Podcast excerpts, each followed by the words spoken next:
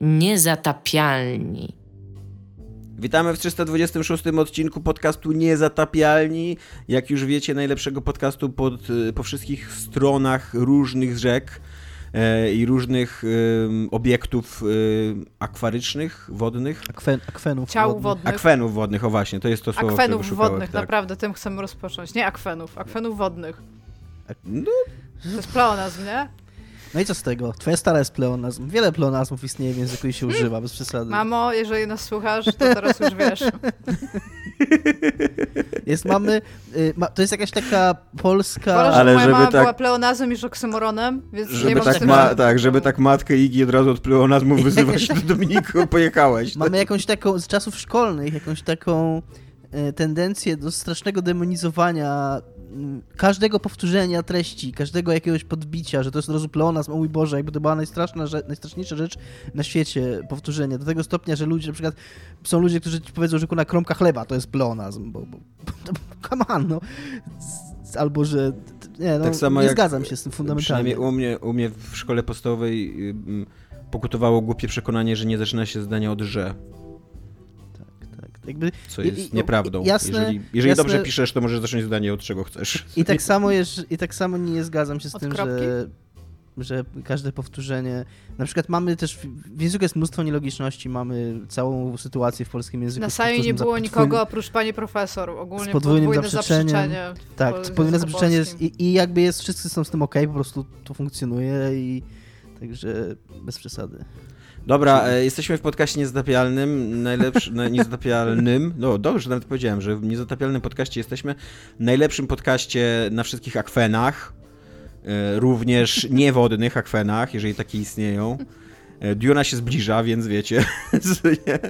E, Jest ze mną kobieta o najsilniejszej pozycji w polskim game devie, silniejszej niż pozycja Beaty Szydło w PiSie.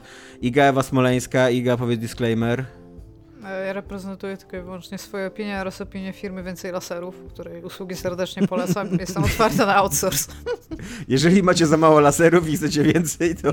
To jest kred, to jest jedyne, co mogę wam obiecać w mojej firmie. Tak, jest Ja w firmie również... jestem zatrudniona jej sojusz, więc chcę tutaj również złożyć taki disclaimer, że jeżeli zatrudniacie mnie, to ja przyjdę z psem. Więc proszę weźcie to pod uwagę. Dziękuję. Jest ze mną również mężczyzna o empatii większej niż wszystkie filmy Pixar razem wzięte, Dominik Gąska. Dominik, powiedz cześć. Cześć. To jest ciekawe, że o tym powiedziałeś, bo akurat będę o tym mówił dzisiaj trochę. O empatii? W, te filmach trochę... Pixara Czy o wszystkich? filmach Pixara wszystkich? No Być właśnie. może o filmach Pixara, być może o empatii w takim kontekście, którego się być może nie spodziewacie, więc zobaczymy, jak to wyjdzie. Okej, i jestem również ja, Tomek Pstrągowski, człowiek o wyobraźni emocjonalnej trukucia podjadka. Witam się z wami.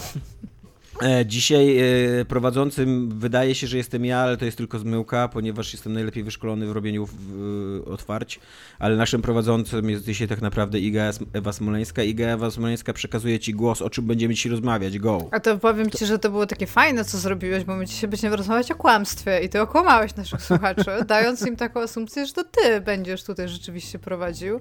A to ja wymyśliłam temat i co więcej, to jest jeszcze gorzej, bo Tomek jest z tego tematu dużo bardziej kształcony, bo napisał o tym dużą pracę dyplomową, Z tematu a ja o tym z- nic. Z wejściówek do podcastu kształcony... Tak, tak. On jest ogólnie bardzo powiedział, wykształconym człowiekiem. Że no. tak, że, że na pewno jest najbardziej wykształconym twórcą podcastów, przynajmniej na tej półkuli.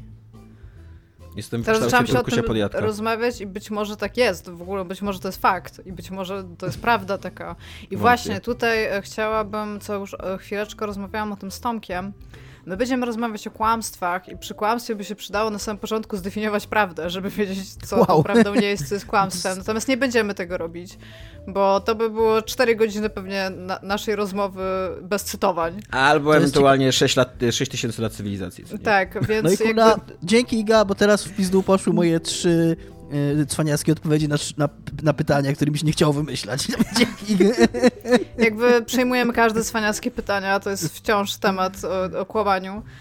I tutaj chcielibyśmy, tak jak Tomek to ładnie powiedział, jakby e, poprosić was o taką jakby wyrozumiałość i dobrą wolę. My będziemy tutaj rozmawiać, e, myślę w jakiś taki intuicyjny sposób pojmując e, kłamstwo, nieprawdę i prawdę. Realizm. Tak, i realizm, i będziemy tutaj dyskutować, i pewnie, jeżeli będziemy mieć różne tematy, to różne definicje prawdy będziemy starali się nimi objąć. I one pewnie mogą się czasami wykluczać pomiędzy sobą i e, to jest trudny i bardzo ogólny temat, który wybrałam, ale zobaczymy. Wydaje mi się, że jesteśmy się w stanie z nim zmierzyć. Aczkolwiek zanim do niego przyjdziemy, to ja bym się chciała zapytać Tomasza Pstrągowskiego, który ostatnio nie mógł mówić nigdy pierwszy, co jest u niego grane. Czy mógłby powiedzieć, co jest u niego grane? Tomku, czy mógłbyś ja nam mógłbym powiedzieć? powiedzieć, co jest u mnie grane, ale wolałbym to zrobić na końcu, bo najpierw... Dobrze. Bo, bo chciałbym mówić o pornografii, więc zanim zacznę mówić o pornografii, to zrobię taki disclaimer dla ludzi, którzy nie chcą słuchać o pornografii, żeby być może się wyłączyli. E, więc, Ale nie teraz, e, nie, te, nie teraz, y, na, na końcu, powiemy kiedy. Jakby Ale teraz... możemy zrobić tak, bo ja mam dwa dzieła. To możemy zrobić tak, że o jednym powiem krótko teraz, później ty powiesz swoje. Dominik dzisiaj e, nie ma, bo nagrywamy dzień po dniu, więc jest problem, żeby tak nadgonić Tak. trochę z lekturami. E, i, I później na końcu ja powiem tylko o pornografii już, dobra? To może tak zrobimy. Ja, ja, To- bym chciał, ja bym chciał się parę słów ze swoim włączyć o, o Parks and Rec, którym skończyłem, ale to dosłownie na 5 minut max już. Ale to potem dostaniesz Tak, głos. po potem. Dobra. Dobra. To ja powiem, że oglądałem film Nobody, który jest y, filmem z Bobem Odenkirkiem, Odenkirkiem i jakby tyle musicie o nim wiedzieć. I jest tam również, tak, Dominik, Dominik pokazuje że bardzo kocha, ja nie wiem kto to jest, więc po prostu To jest patrzę. y, Sol z Better Call Saul i Okej. Sol z mm, Breaking, Bad. Bada. pewnie. Tak. E, I to jest w ogóle bardzo dobry aktor, który dosyć późno zabłysnął jakby na ekranie, więc jest takim aktorem w średnim wieku, ale jakby świetnie sobie radzi w swoich warunkach, że się tak wyrażę, tak to ujmę e, eufemistycznie. E, I jest naprawdę dobrym aktorem, który świetnie gra i, i, i jest super sympatyczny i jest super fajny. I chyba też tak jest w miarę jego persona publiczna jest sympatyczna i fajna. Dominik, ty go oglądasz często, Tak, nie? tak, tak. Wydaje się takim właśnie, przez to być może, że karierę, tak jak mówisz, dosyć późno zrobił, to wydaje się takim dosyć stawiającym twardo stopy na ziemi człowiekiem. No właśnie, więc film Nobody to jest taki film, który bierze takiego pana w średnim wieku z brzuszkiem, e, wrzuca go do, Seksownego to znaczy. Wrzuca go do domowych pieleszu, pieleszy, pokazuje takie e, zwykłe, codzienne jego życie, a później każe mu zabijać gołymi rękoma setki osób, e, głównie Rosjan, aczkolwiek jeden z tych Rosjan jest czarny i, i, i tłumaczą to, jakby jest to temat tego filmu trochę też, że jeden, jeden z tych Rosjan jest czarny.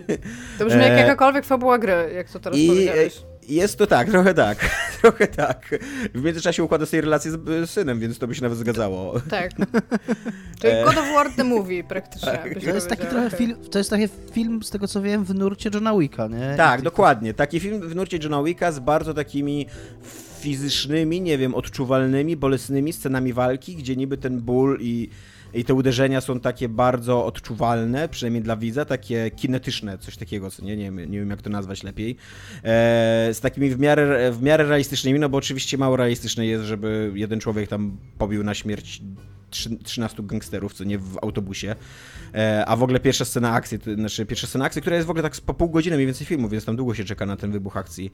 Jest tak właśnie po, po pół godziny i rozgrywa się w autobusie i on tam tłucze chyba sześciu Rosjan.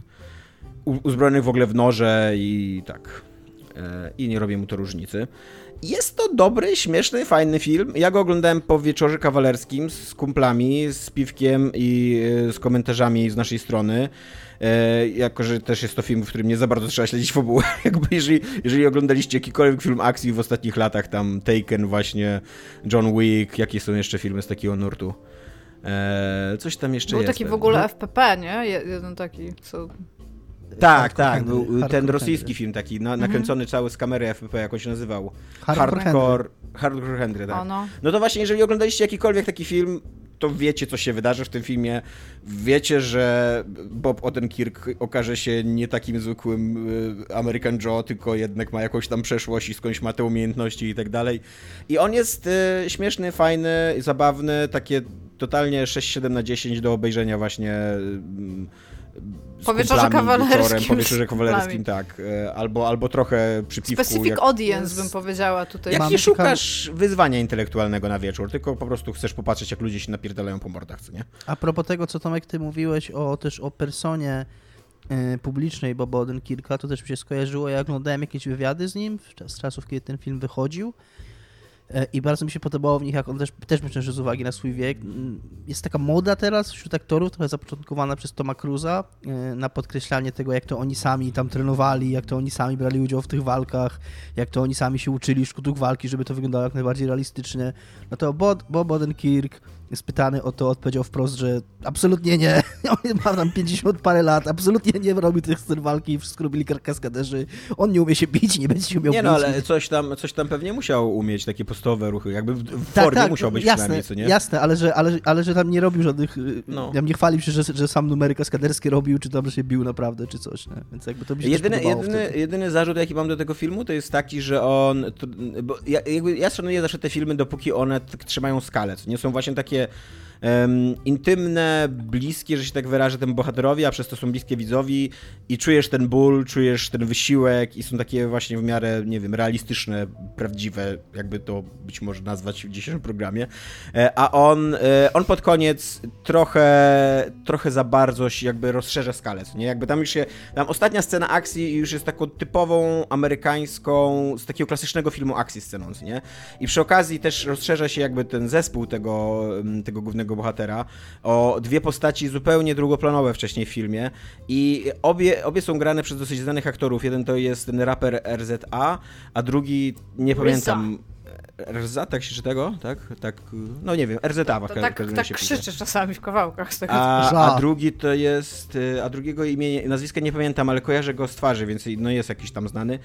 I to jest zupełnie niepotrzebne. Jakby moim zdaniem, moim zdaniem traci ten film na tym, co nie? Jakby dużo lepiej by było, gdyby on do końca był właśnie tak skupiony na jednej bohaterze, na jednym bohaterze, na takich intymnych starciach, na, na bólu, łamaniu kości i tak dalej, a nie na jakiejś takiej efekciarskości i no. Więc, więc tak, więc, ale, ale ogólnie się świetnie bawiłem, co nie naprawdę. I autentycznie tak. Jeżeli szukacie takiego, nie wiem. Powiedz jeszcze, czy on jest gdzieś streamingowany? Czy... E, nie Trudno wiem. powiedzieć. Okej, nie, dobra, nie, nie, co, odpowiadaj nie- dalej na to pytanie. Nie, e, nie to, że go. Znaczy nie wiem, czy go piraciliśmy, szczerze mówiąc, bo po prostu e, obudziłem się w domu kumpla i, i leciał, le, pu- puścił ten kumpel film, jakby nie mam pojęcia, gdzie on go puścił. Znaczy nie zwróciłem Zobaczymy, na to jak to- w ogóle, co nie? Zobaczymy, jak to obrona podziała w sądzie.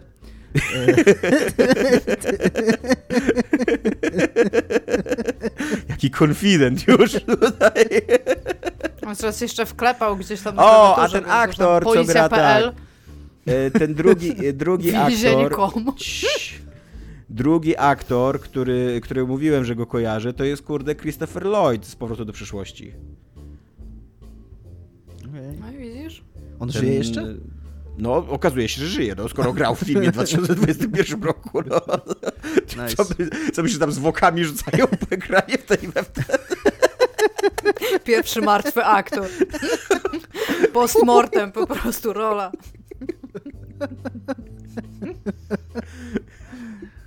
No, więc to jest grane u mnie. Iga, oddaję ci głos, lecisz z odcinkiem, z tematem, dajesz. Dobra. Miksuj to. To, to jak mówiłam i tutaj jeszcze raz proszę o wyrozumiałość, te pytania są bardzo ogólne. Aż Dominik jakieś cwaniackie odpowiedzi e, zrobił. Nie no, Moje- śmiałem się, śmiałem się że, że w paru miejscach jak y, nie, nie, nie bardzo mi przychodziło do głowy, co odpowiedzieć, to, to sobie zapisałem, dobra, odpowiem najwyżej, że czym w ogóle jest prawda, nie wiem i, i, i naraz. Mało kto wie tak naprawdę. Czy w ogóle jest prawda? To jest takie też pytanie postmodernistyczne, które zadawaliśmy tak. przez długi czas. No ale dobrze, to powiedzcie mi, e, dlaczego popkultura tak bardzo kłamie i co chce w ten sposób osiągnąć?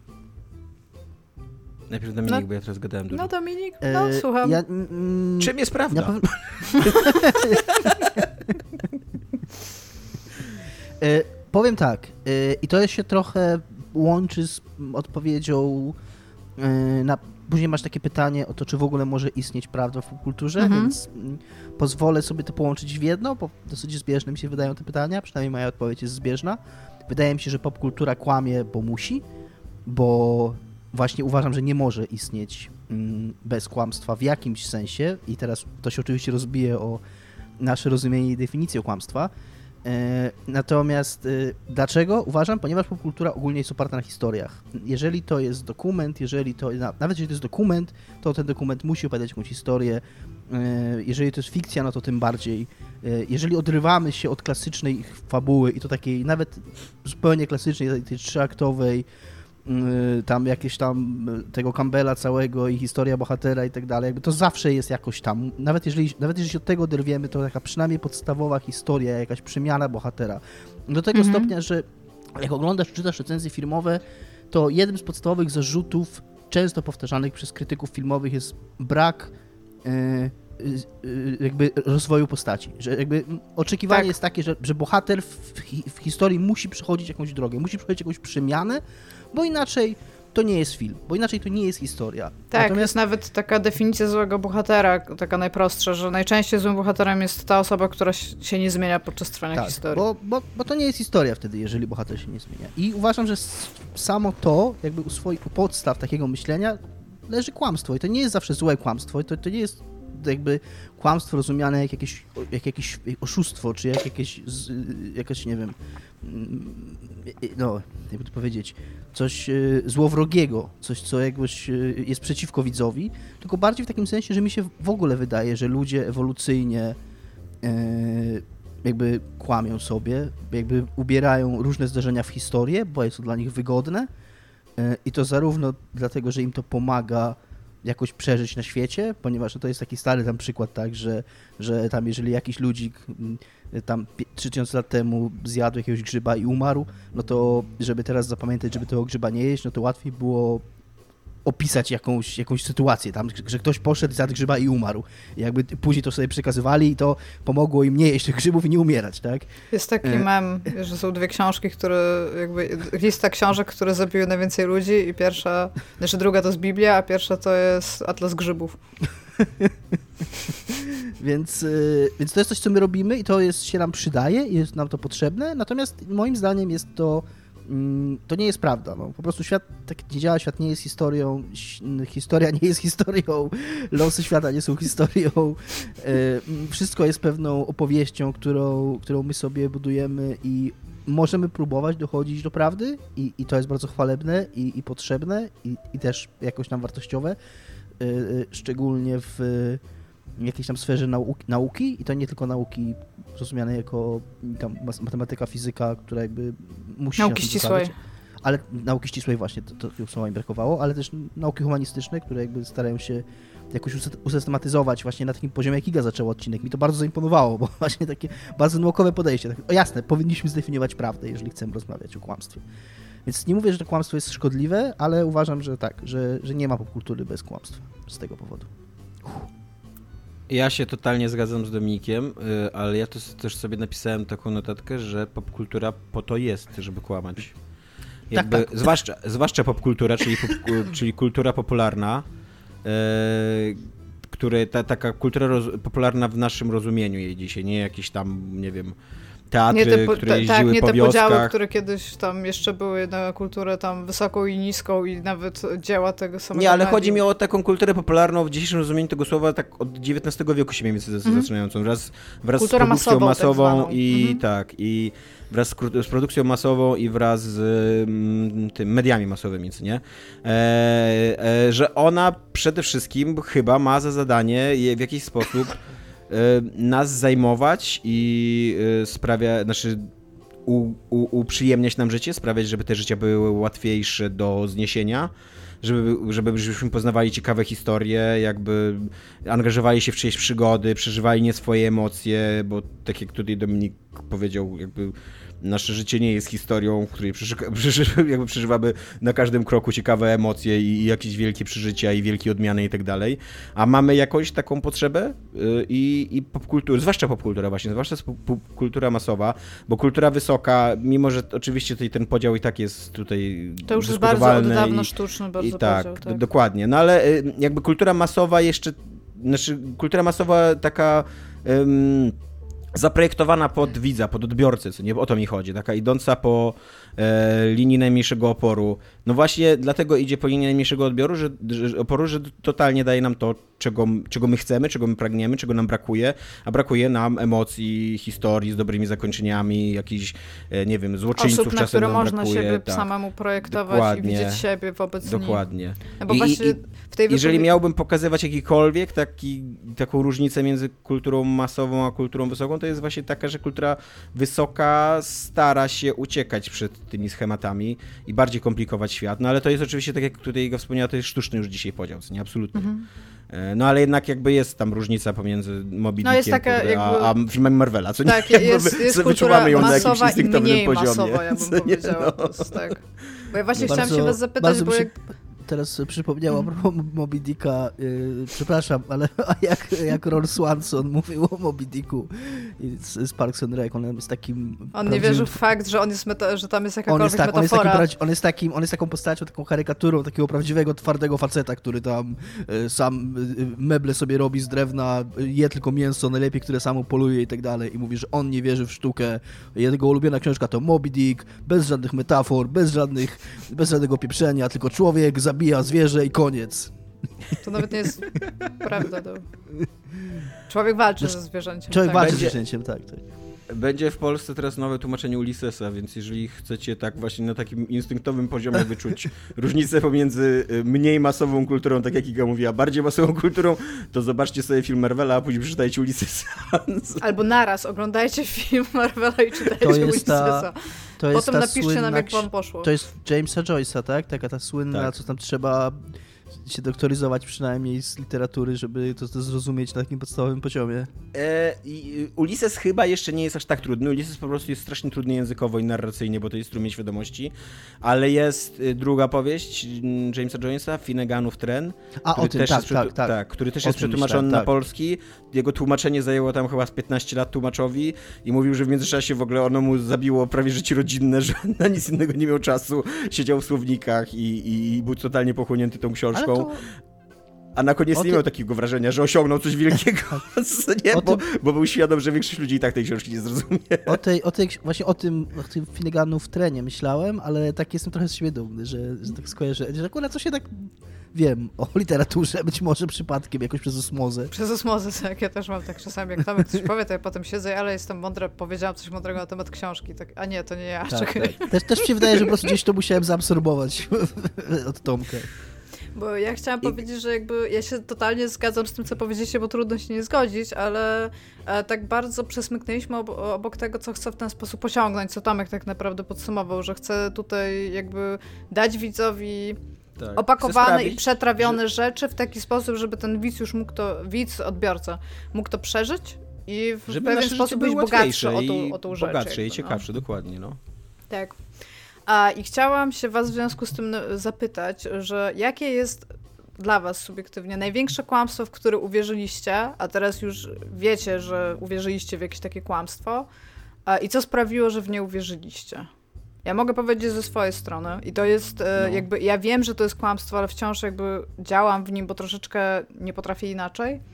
I to jest ta taka e, protestancka kultura pracy, która jest bardzo często i w książkach, i w filmach, i w grach zrobiona. Czyli im więcej będziesz pracował, tym będziesz miał lepsze efekty swojej pracy, więc trzeba jakby to, to, to, jest bardzo mocno w tych takich grach jakichś takich ekonomiczno y, tam farmerskich albo coś takiego pokazane, na przykład w Stardew Valley. Im więcej zasadzisz nasion, tym więcej sprzedasz warzyw. Warzywa są zawsze droższe niż nasiona, więc będziesz mógł kupić więcej nasion, żeby sprzedać, żeby wyrosło więcej warzyw i zawsze to się będzie opłacało. To będzie zawsze taka pętla, która sama jakby no, sama siebie będzie napędzała, nie? I robię to przez całe życie i ja wiem, że to nie jest prawda, bo widzę... A jakie dzieła ci wpoiły taką protestancką kulturę pracy? No właśnie, głównie gry, ale filmy też bardzo często. Bardzo, fi bardzo filmy ci często pokazują, że jeżeli będziesz pracował, jeżeli będziesz wierzył w to, co robisz, jeżeli będziesz pracował więcej, jeżeli w siebie zainwestujesz, to na sam koniec jakby tego wszystkiego w jakiś sposób dostaniesz jakby nagrody za to, że, że byłeś, że, że tak, że byłeś taki samozaparty, nie? Bo to jest coś, co my musieliśmy uwierzyć, więc bardzo dużo dzieł funkcjonuje po prostu na takim sposobie myślenia, nawet tak jakoś podświadomie. Nie, nie, że tam to jest temat, że teraz ta osoba E, jest biedna, ale zaczęła sprzątać i teraz pójdzie do fabryki, zostanie na pierwszej zmianie, pójdzie na drugą, będzie robić dwie zmiany, zostanie kierownikiem zmiany, potem zostanie jakimś tam prezesem małego szczebla i pójdzie dalej, nie?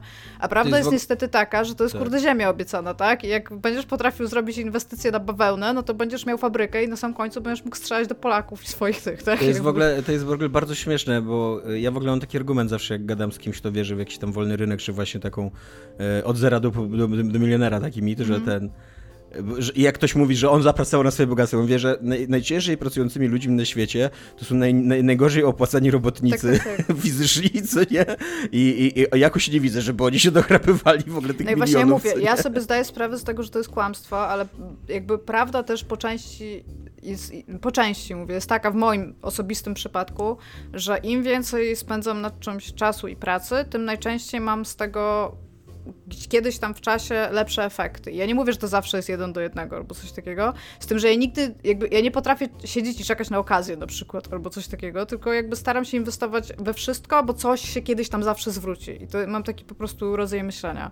I jakby jest to kłamstwo, które wiem, że tak jak powiedziałeś, ja wiem, że to jest kłamstwo i wiem, że to jest jakiś sposób myślenia, z którym jest po prostu prościej żyć, bo kiedyś, raz na jakiś czas to działa, ale nie, nie jakby nie, jeszcze nie znalazłam nic lepszego, co by mi to zastąpiło. I mam, mam do was właśnie myśl, pytanie, czy wy macie tak, takie Mam złotą myśl dla ciebie jeszcze, hmm. że ten, ten strategia ciągłego wzrostu to jest strategia komórki rakowej. Tak, jak najbardziej. Ja sobie z tego wszystkiego zdaję. Tylko właśnie mi nawet nie o to chodzi, y, żeby to już w taki przykręcić tutaj korbo od zera do bohatera, bo ja tutaj, wiesz, nie zostanę tam miliarderem, taki self-made man, tak? To, to nie będę ja.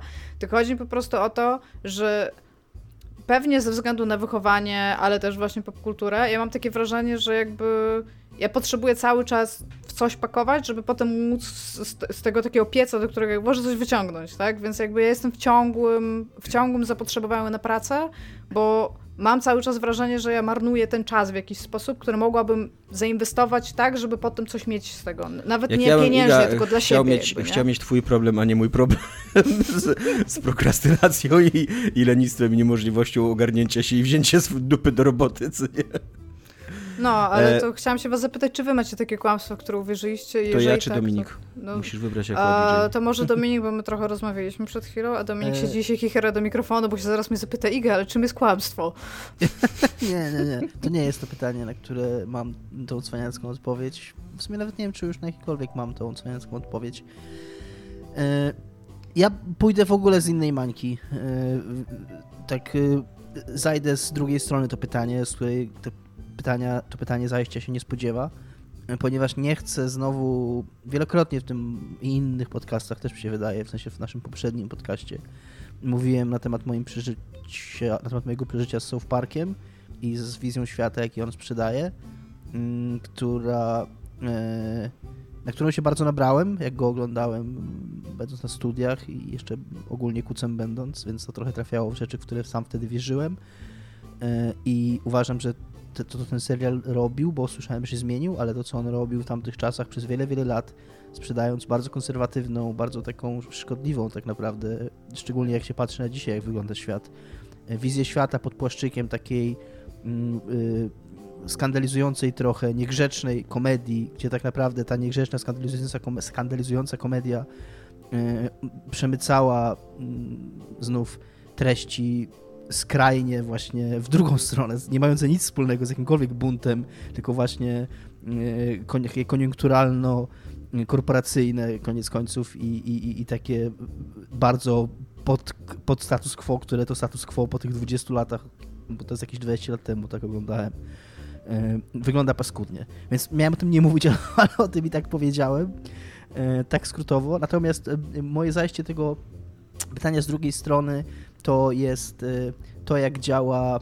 mm, stan nieważkości w mm, szczególnie podczas orbitowania, jak działa orbitowanie wokół planet, bo akurat dzisiaj zupełnie przypadkowo Orbitowałem wokół planety. Czytałem, czytałem, czytałem w filmie Grawitacja, który jak oglądałem, to wydawał mi się e, strasznie realistyczny, w tym jak pokazywał mm, właśnie losy ludzi i obiektów znajdujących się na orbicie okołoziemskiej a z kolei środowiska naukowe i, i strasznie hejterzą ten film i podobno jest ten film, praktycznie nie ma jednej sceny w tym filmie, która, e, w której się rzeczy dzieją tak, jakby się działy w rzeczywistości. Jest to jedno wielkie kłamstwo. No dobra, to które, jak działa które to, wynika, które to wynika z tego, które to wynika z tego, o czym kiedyś mówiłem, co odkryłem dopiero niedawno, czytając książkę 7F Nila Stephensona, że mm, na orbicie nie ma stanu nieważkości. Jakby będąc na orbicie jesteś jesteś w polu grawitacyjnym Ziemi.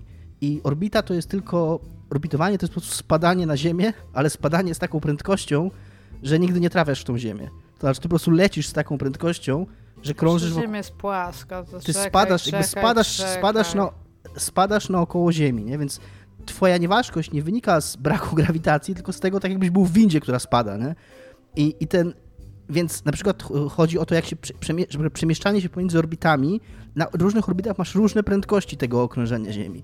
Więc nie jest tak łatwo, jak, to nie jest tak, że po prostu sobie mm, będąc na orbicie, że tak jakby unosisz się, w, unosisz się w bezruchu i że możesz się przemieszczać pomiędzy tymi orbitami, że to wymaga energii, to jest trudne. Jakby te, te obiekty się, tak naprawdę one spadają, więc one się poruszają z olbrzymią prędkością i cała ta fizyka taka właśnie pokazywana nam w filmach science fiction, że orbita to jest to samo, co takie po prostu unoszenie się e, w stanie takiego braku jakichkolwiek sił zewnętrznych działających na siebie, to jest po prostu kłamstwo. To nie ma nic wspólnego z tym, jak to działa w rzeczywistości. Mm, I, a, jest, a to kłamstwo jest, jest, nam sprzedawane dlatego, że po prostu mm, zapewne dużo, dużo trudniej i dużo, dużo mniej efektowne z kolei i dużo, dużo mniej też zrozumiałe, e, by to było pokazywanie tego e, tak, jak to działa naprawdę. Nie wiem, czy jakikolwiek film nie widziałem, e, filmu, który by się porwał na przedstawianie takich interakcji obiektów właśnie znajdujących się na różnych orbitach w sposób realistyczny.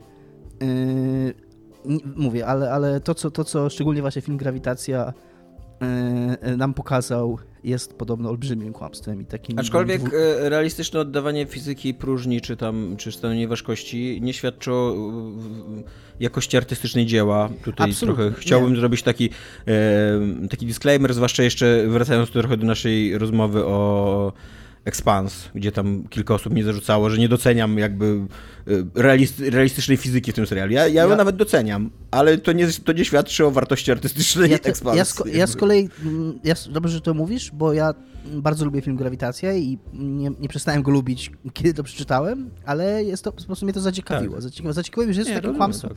Że jest to takie kłamstwo, które zaakceptowaliśmy, bo, bo w ogóle nasza wizja tego, jak działa mm, ją różne rzeczy w kosmosie, ma dużo więcej wspólnego z Gwiezdnymi Wojnami niż na przykład z Odyseją Kosmiczną, która chyba była pierwszym filmem science fiction, który starał się jakąś taką teorię znaczy nie teorię, tylko taki, jakiś taki model sztucznej grawitacji w kosmosie przedstawić, że te statki tam się mają takie bardzo długie ramiona i się obracają i tam przez siłę odśrodkową masz tą grawitację. Nie? Więc jakby oni próbowali jakoś tam się stara, starać mm, no jakby nie jest to coś, co praktycznie zostało wykonane, ale jest to coś, co w science fiction przynajmniej tak powierzchownie wydaje się mieć ręce i nogi, tak? Jasne, siła odśrodkowa działa w kosmosie, mm, teoretycznie coś takiego można zrobić. Tak? Jak, e, jak oglądaliśmy z Tomkiem dwa e, film e, Stowaway, czyli Pasażer numer 4, tak to się nazywało po hmm. polsku, który jak wiecie nie spotkał się w tym domu z dużym uznaniem, to tam był taki dialog, że oni nie mogą, że oni nie mogą wyhamować oni po prostu nie mogą wyhamować tej stacji, która tam się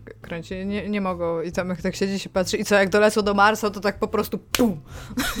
Nie no, akurat to, jest, to jest, akurat, to jest akurat dosyć... Yy znany problem w podróżach kosmicznych, że drugie tyle paliwa musisz zużyć na hamowanie, tak. co Tak, tak, tak, tylko że oni mówią, że nie, że nie są w stanie, bo paliwo, tylko po prostu jakby ten, żeby ten, żeby jakby odciąć okay. tą opcję, to tam pada taki dialog, że po prostu nie mogą i on tak, a... Okay, nie pamiętam, nie, pamię nie pamiętam tego filmu a na tyle, a już na pewno tej sceny, żeby tam teraz go bronić albo dyskutować. Wydaje mi się, że to, co w tej filmie było pokazane jako właśnie ta sztuczna grawitacja, no to jest jakoś tam wydaje mi się, ja jeszcze oglądałem... Nie chcę rozmawiać film, o tym filmie, proszę, że, bo że to, to jest kolejne pół godziny mojego hejtu, zaraz tu się wyleje. To prostu... no to ty zaczęłaś, jakby ja nie, ja nie ruszyłem tego filmu, więc proszę, schowaj go tam, schowaj go tam, skąd go wyjęłaś i będzie dobrze. Dobrze, to teraz e, Tomasz. Więc wracając do grawitacji, ja tylko chciałem powiedzieć, że grawitacja jest jakby na tym drugim biegunie, od Odysei Kosmicznej, że nie stara się niczego pokazywać realistycznie i nie, nie jest to absolutnie ze szkodą dla wartości artystycznej tego filmu, czy nawet rozrywkowej, jeżeli mm -hmm. nie artystycznej, tylko po prostu jest to takie coś, co akurat dzisiaj przypadkiem przed tym odcinkiem właśnie czytałem o tych orbitach i jak to działa w rzeczywistości i, i, i jak, to, jak to, to, co widzimy w tym filmie jest, jest, jest e, zupełnie nie, niezgodne z, z prawdą naukową. To jest ten film z Sandrą Bullock. Tak. Tak. To jest ten film z Sandrą Bullock. Okej. Okay. Dobra, teraz ja, tak? E, tak, teraz ty, Tomaszu. Więc y, na, na mnie swego czasu, i to nie tylko w liceum, ale jeszcze na studiach i, i pewnie jeszcze po studiach, e, bardzo duże y, znaczenie miała literatura romantyczna i y, amerykańskie kino. A literatura romantyczna, polska i amerykańskie kino dzielą ze sobą dwa mity, które są wielkim kłamstwem moim zdaniem, a które ja wchłonąłem jak gąbka i później musiałem się rozliczyć z nich y, w komiksie takim, który popełniłem, możecie słyszeć o nim.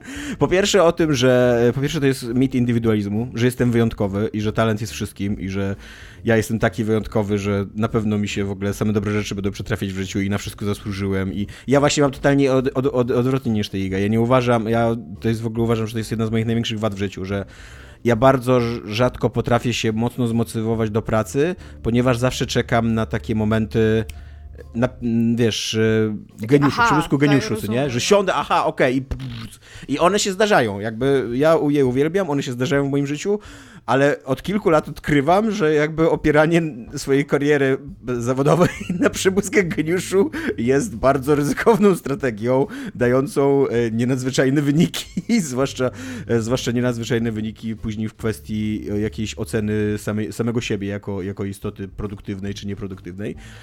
A to się wszystko bierze właśnie z takiego, mm, z takiego romantycznego i, i też amerykańskiego bardzo postrzegania siebie jako wyjątkowej jednostki, co nie? Że, że ty jesteś lepszy od wszystkich innych, że ciebie stać na więcej, Jest że... to kłamstwo jednostkowości, które ma Tak. bardzo, bardzo dużo ludzi i co więcej, oni walczą, jeżeli ty powiesz, że to nie jest prawda, że oni są wyjątkowi. Tak. I to jest taka walka po prostu rękami i nogami o framugę się będą zapierać, że, że, że nie wejdą przez te drzwi, nie? Tak, i y, ja kiedyś nawet na tym moim starym blogu napisałem taki, y, taki wpis, że, y, że prawdziwy punk to nie jest, to, to właśnie nie jest indywidualizm, nie jest takie bycie dziwnym i wyróżnienie się z tłumu i tak dalej, tylko jakby zdanie sobie sprawy, że jesteś, ty jesteś tłumem, co nie? Jakby Mhm. i, i że ty jako tłum powinniście, powinieneś przeciwdziałać właśnie takim indywiduali, indywidualistom, którzy zazwyczaj się wybijają i raczej kiepskie rzeczy zaprowadzają do społeczeństwa niż dobre, co nie? E, To, to jest pierwszy mit, a drugi mit, to jak się możecie domyślić, to jest mit y, romantycznej miłości.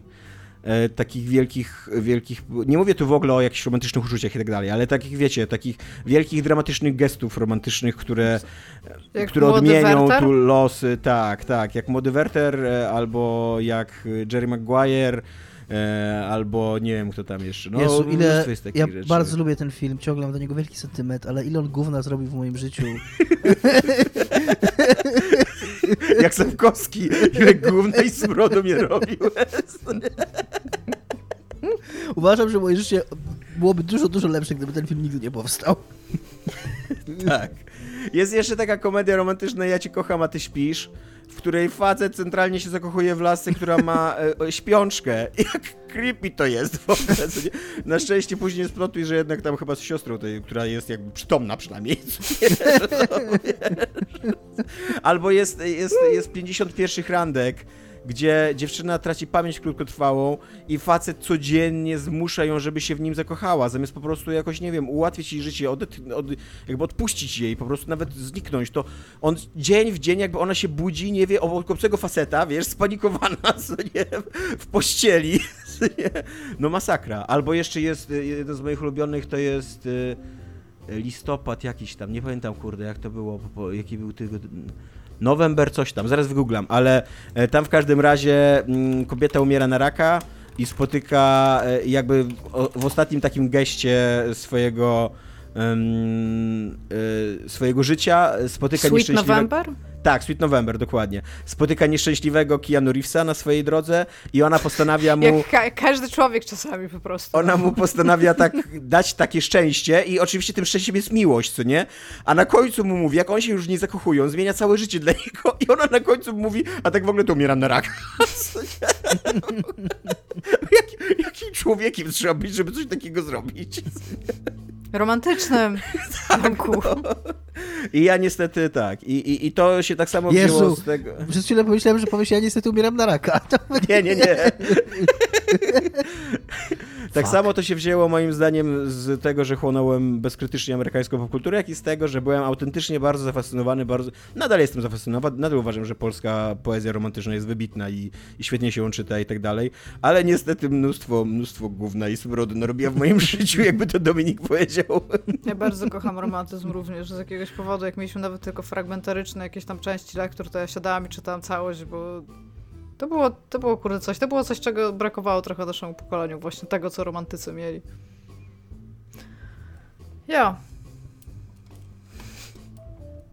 No dobrze, Dominiku, a co jest grane u ciebie, mi powiedz? E, tak, więc ja jak już zajawiałem przed odcinkiem, miałem w ogóle nie mówić o swoim, co jest grane, bo, bo nagra, nagrywamy ten odcinek praktycznie mm, Dosłownie dzień po, dzień po dniu. Dosłownie dzień tak, po dniu. bo, bo robimy sobie przerwę za tydzień. No, muszę chyba e, Więc nie, nie skonsumowałem niczego nowego w stosunku do ostatniego odcinka, ale skończyłem Parks and Rec, które, które już wspominałem w ogóle w tym odcinku, więc ten, ale to już będzie ostatni raz, obiecuję, już skończyłem ten serial. Skończyłem go w jakieś dwa tygodnie w ogóle, siedem sezonów. Więc była to szalona jazda, jest mi teraz strasznie, strasznie smutno i będę za nim strasznie, strasznie tęsknił. E, I dziwię się sobie, że tak późno go zacząłem oglądać, bo naprawdę jest fenomenalny i wszystkim go mega polecam. E, ma po prostu taki festiwal e, tych cameo, czyli takich epizodycznych ról, nie wiem, czy to jakoś po polsku jednym słowem nazywa, takich gościnnych występów różnych znanych ludzi w ostatnim Jest to nawet Bo Burnham. Tak jest tam Bo Burnham, jest tam e, kilka razy się Joe Biden pojawia, mhm. grając siebie. Grając tak, as self. Tak, e, bo Michelle Obama się pojawia, a jeszcze w ostatnim odcinku ma taką, takie cameo, taką wisienkę na torcie, którego nie będę spoilował, bo, bo mm, bardzo mnie ono ucieszyło.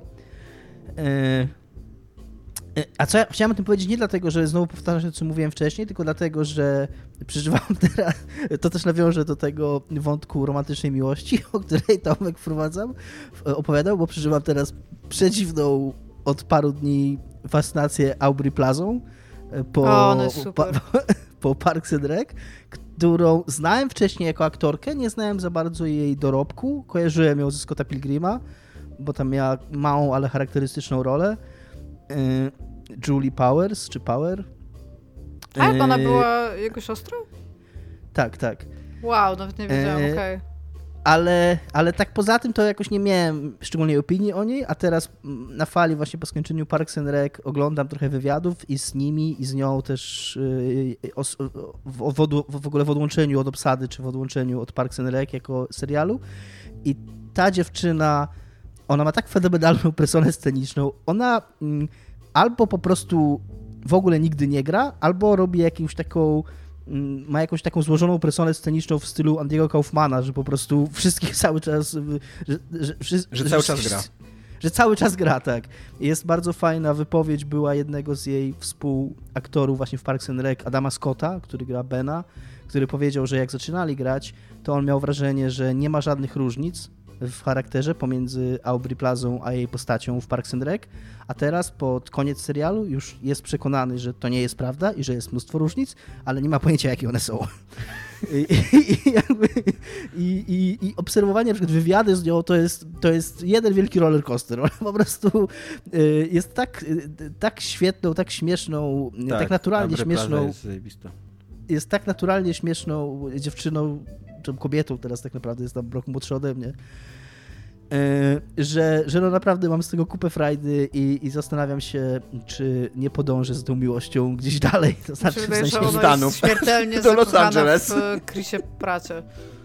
Niestety jest takie mega wrażenie i jest takie wrażenie, że... I w wywiadach tak, tak, jakoś ma jakoś tak do niego ten... I ona sama nawet powiedziała w jednym wywiadzie, że o, przez cały czas jak ona musi grać jego żonę i potem wraca do domu, to jest jej przykro, że nie jest jego żoną i tak jakoś tak...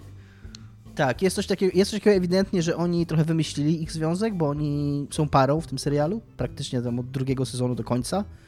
Yy, I, I to trochę się tak dzieje samo z siebie, to trochę tak wygląda na to, że to się dzieje, że po prostu ona się trochę zadłużyła w Chrisie Pracie, ale to też jednocześnie, wiesz, to jest show biznes, nie? To równie dobrze może być, ludzie lubią takie historie. Ja nie mam żadnego problemu z tym, jeżeli, jeżeli ona by miała być nim zakochana, jakby byli parą albo mieli romans, jakby to, to te, tylko po prostu ich chemia na, i zarówno tak, na ekranie mają, i w wywiadach jest, jest mega, nie? Mają w sensie fenomenalną chemię i to jest też, i to jest właśnie, i dlatego też strasznie lubiłem tu ich relację w tym serialu, bo to jest ewidentnie też i twórcy o tym mówią, i oni sami o tym mówią, że to jest coś, co nie było planowane, w ogóle Chris Pratt miał tylko jeden sezon grać, ich, ich związek nie był w żaden sposób planowany, tylko po prostu tam jest jeden taki odcinek, kiedy oni zostają sami we dwójkę e, w biurze, gdzie cała reszta ekipy idzie na polowanie i co odcinek jest w tym polowaniu, a oni we dwójkę zostają w biurze i, i oni mówią, że jakby wtedy się narodził ten, ten filmowy związek, że oni po prostu taką chemię e, miały te postacie ze sobą, że że, że jakoś to się tak rozwinęło i autentycznie patrzenie na nich i właśnie na tą,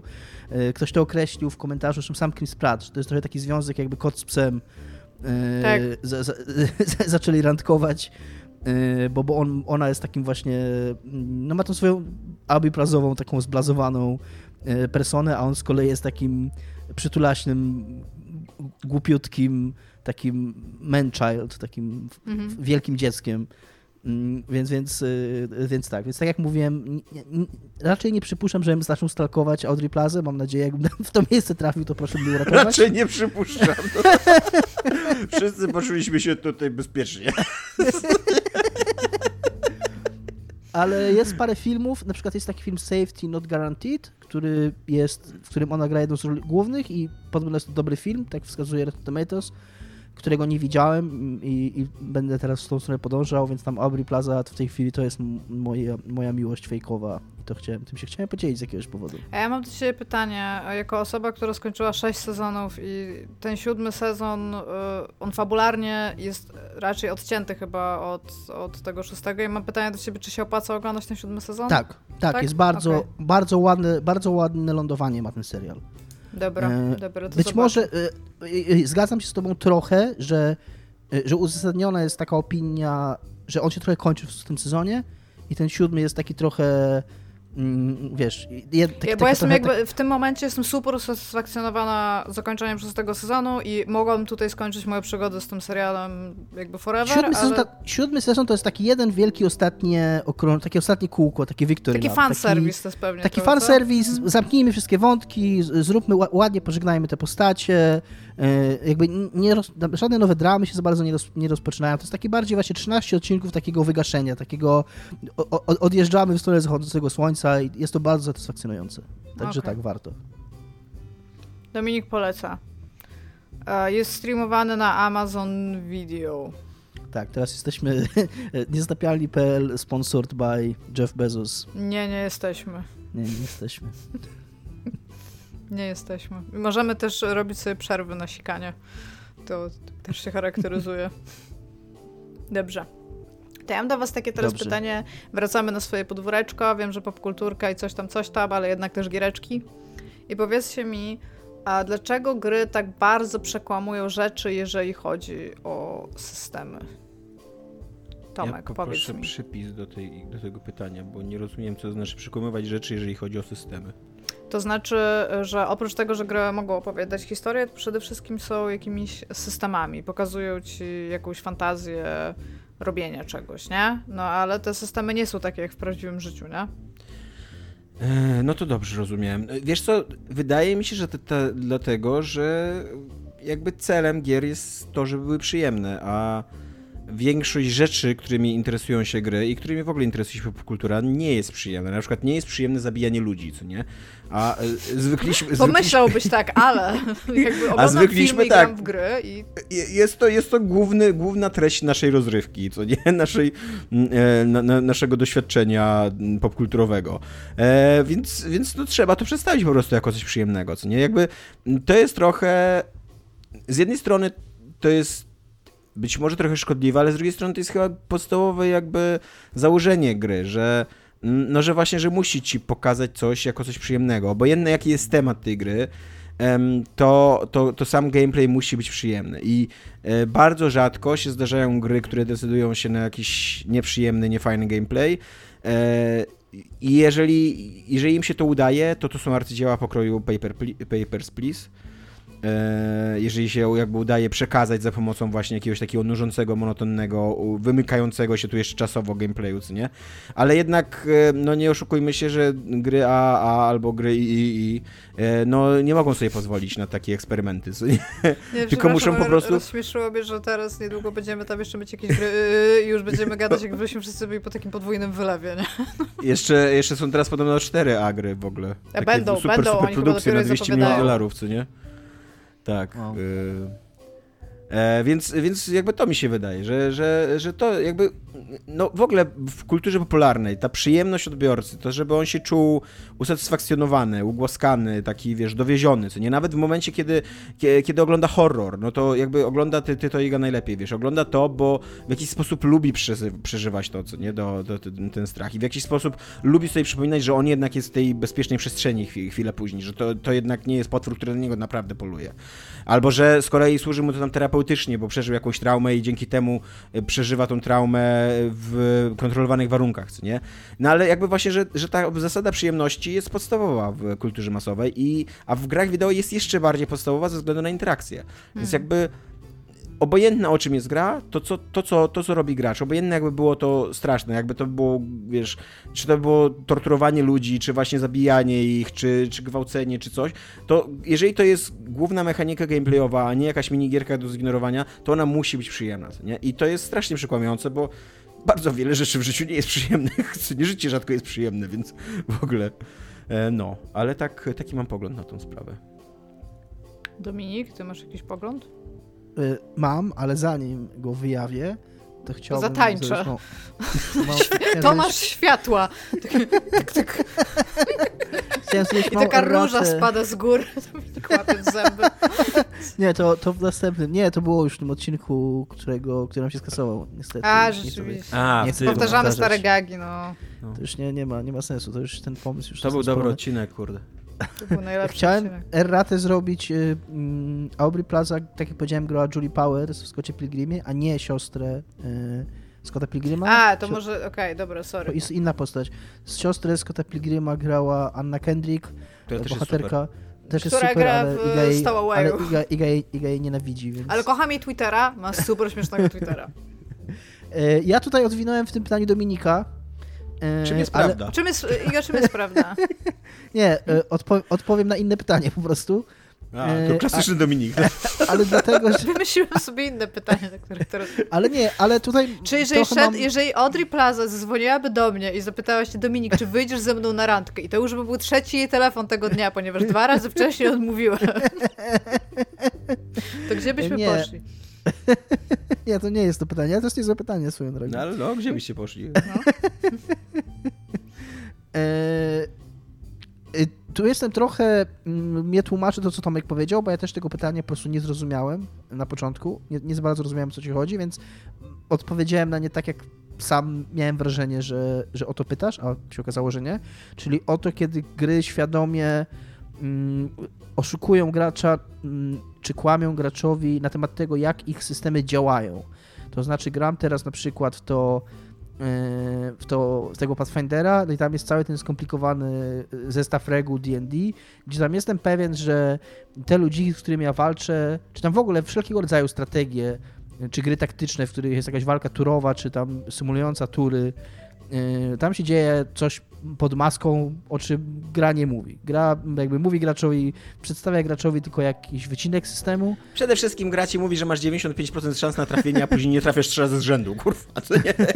Za to powinno być do Rymberga, po prostu. widzisz jakiś, widzisz jakiś wycinek tego systemu.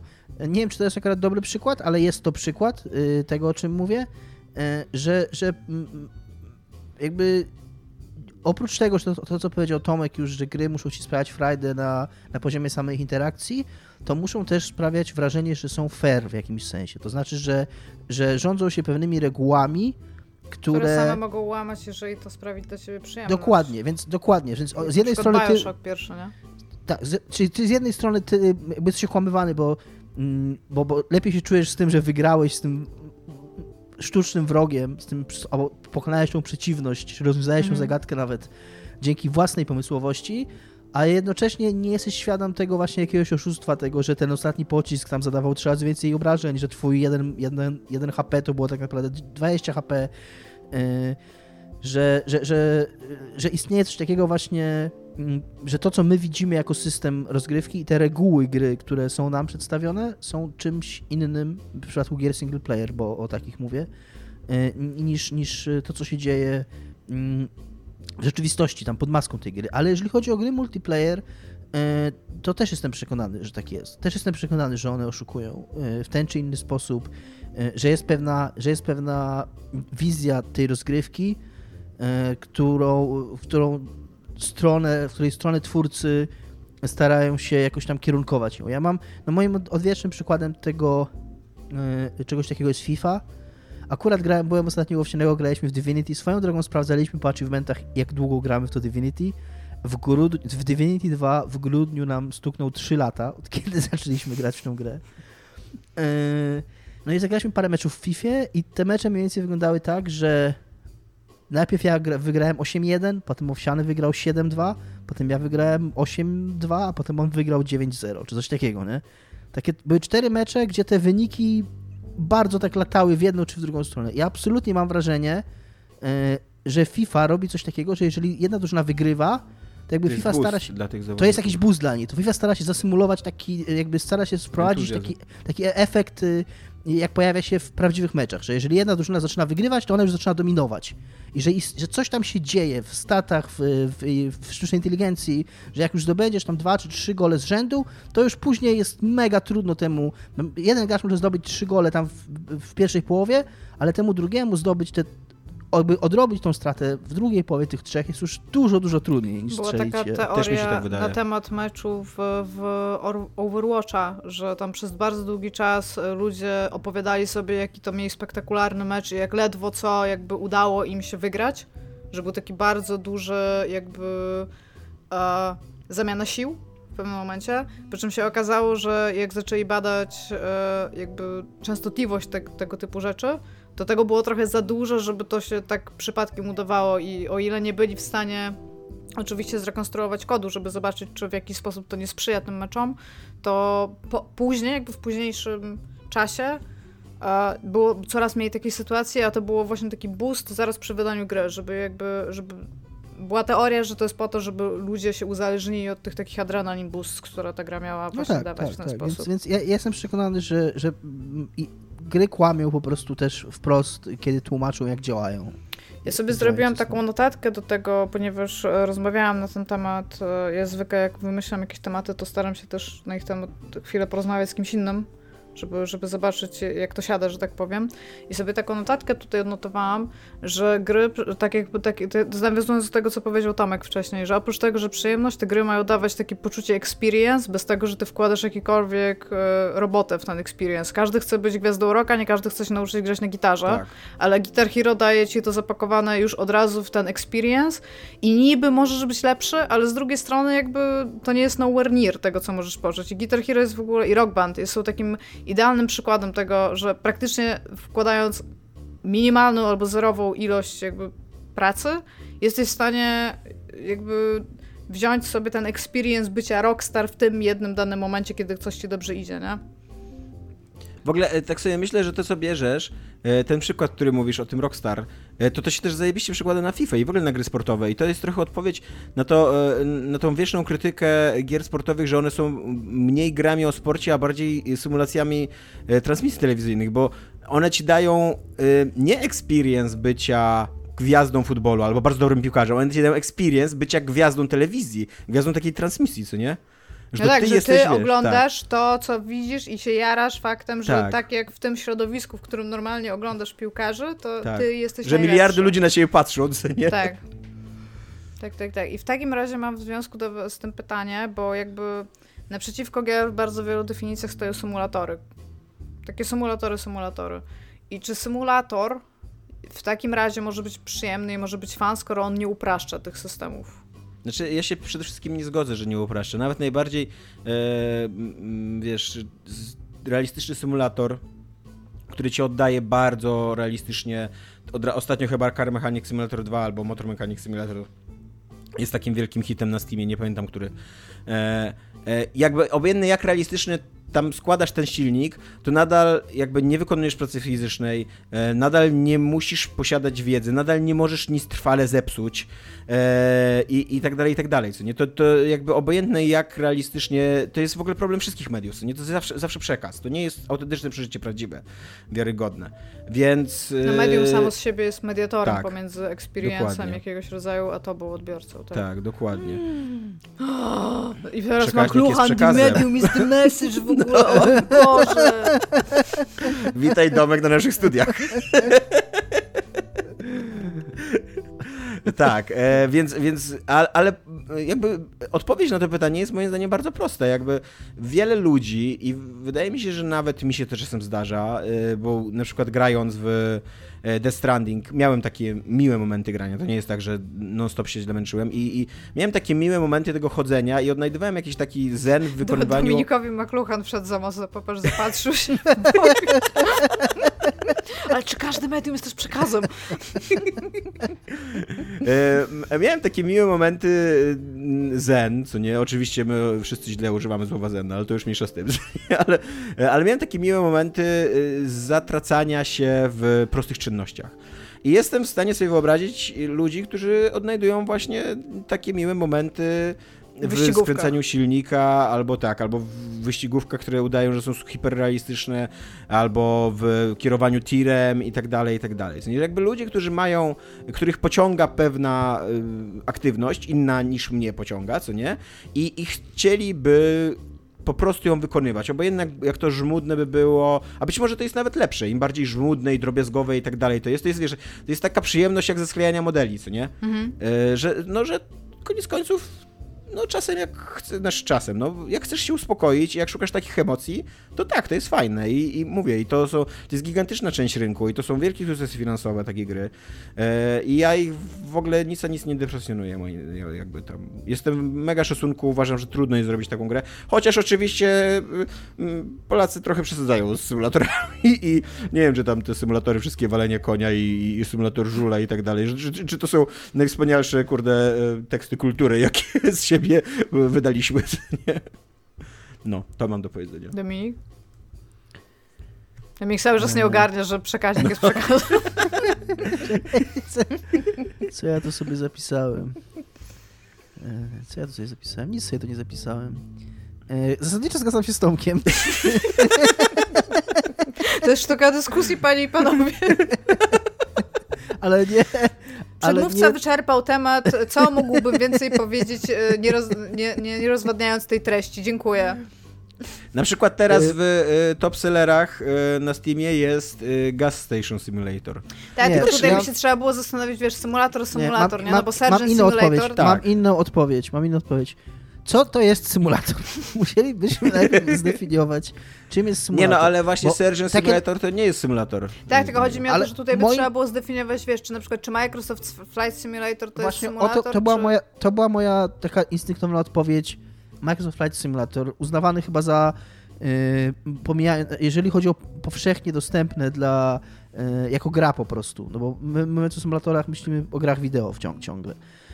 E, że, że to jest jakby najbardziej realistyczny, taki do, dostępny dla mm, masowego użytkownika symulator lotniczy, ale ciągle jest to gra wideo, ciągle mm, jakby jest to w jakimś tam sposób, tak. w jakiś tam sposób odległe od tego, na przykład na czym się szkoli pilotów, bo pilotów szkoli się na symulatorach, e, zanim ich się posadzi w prawdziwym samolocie.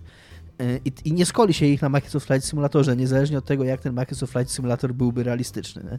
Więc w tym sensie uważam, że tak, jeżeli symulator jest grą wideo, to tak jak powiedział Tomek, po prostu oferuje pewne uproszczenia i oferuje pewne, i jakkolwiek realistyczny byłby Microsoft Flight Simulator, to na przykład on daje opcję ci, y, żeby ci się twój samolocik pojawił w dowolnym miejscu już w locie, daje ci możliwość, żeby ci pilot za ciebie wystartował, że tylko dostaniesz w locie ten, te drążki, daje ci możliwość jakiegoś tam uproszczonego sterowania, więc on jest jakoś tam konfigurowalny, więc symulator jako gra wideo, która ci sprzedaje pewną fantazję o, y, o, o, o na przykład lataniu samolotem, bez konieczności latania samolotem aktualnie Bez konieczności i tak latania samolotem mówisz, uczenia i... się latania, co nie tak. i tak dalej. Jakby da, daje ci możliwość, jeżeli chcesz, to możesz się nauczyć jakoś tam powiedzmy dość realistycznie jak na, jak na grę wideo. Yy, tam łącznie z kołowaniem 40 minut po pasie startowym, tam są ludzie, którzy grają w tą grę tak, w ten tak, sposób. jeszcze w taksi czekają, no. Tak, tak, że, y, że tam możesz to robić i tam całą procedurę startową przeprowadzać zgodnie z podręcznikiem i tam to trwa godzinę łącznie. E, a możesz po prostu kliknąć i się pojawić nad Nowym Jorkiem i sobie pooglądać Nowy Jork z powietrza. Nie? Więc jasne. A inna, in, ja tutaj wspomniałem o Car Mechanic Simulator i dobrze mówiłem, że Car Mechanic Simulator to jest taki wielki sukces, tylko to jest Car Mechanic Simulator 2021 i wyszedł 11 sierpnia, a ma 6200 recenzji na Steamie już. On miał taki moment, że jeden z tych części, które, bo on tam, to już jest która część, która wyszła.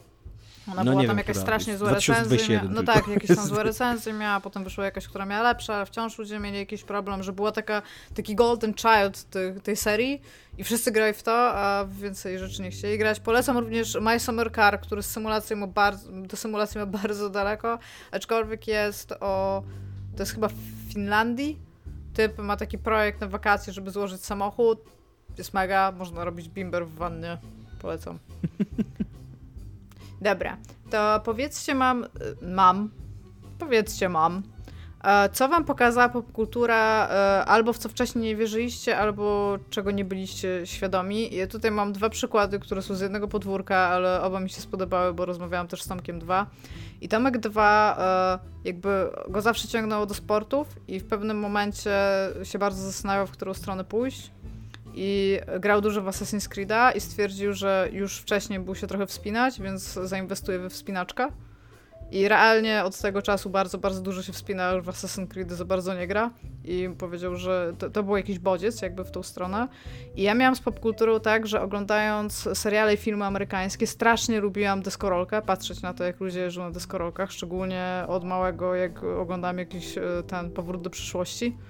I super mi się to spodobało i zaczęłam jeździć na desce i pamiętam, że był taki moment, że wyszedł Tony Hawk, co już w ogóle tak mnie podbudowało w fakcie, żeby jeździć na desce, że to jest super i że to jest spokój, żeby jeździć na desce, że, że strasznie mnie to zmobilizowało, żeby kontynuować. I czy wy macie jakieś takie rzeczy tego typu, albo czy popkultura wam powiedziała coś, że w coś nie wierzyliście, a, a, jednak, a jednak teraz uwierzyliście? Nie możesz tak ogólnie pytać Iga, musisz wywołać któregoś do odpowiedzi. Tomek.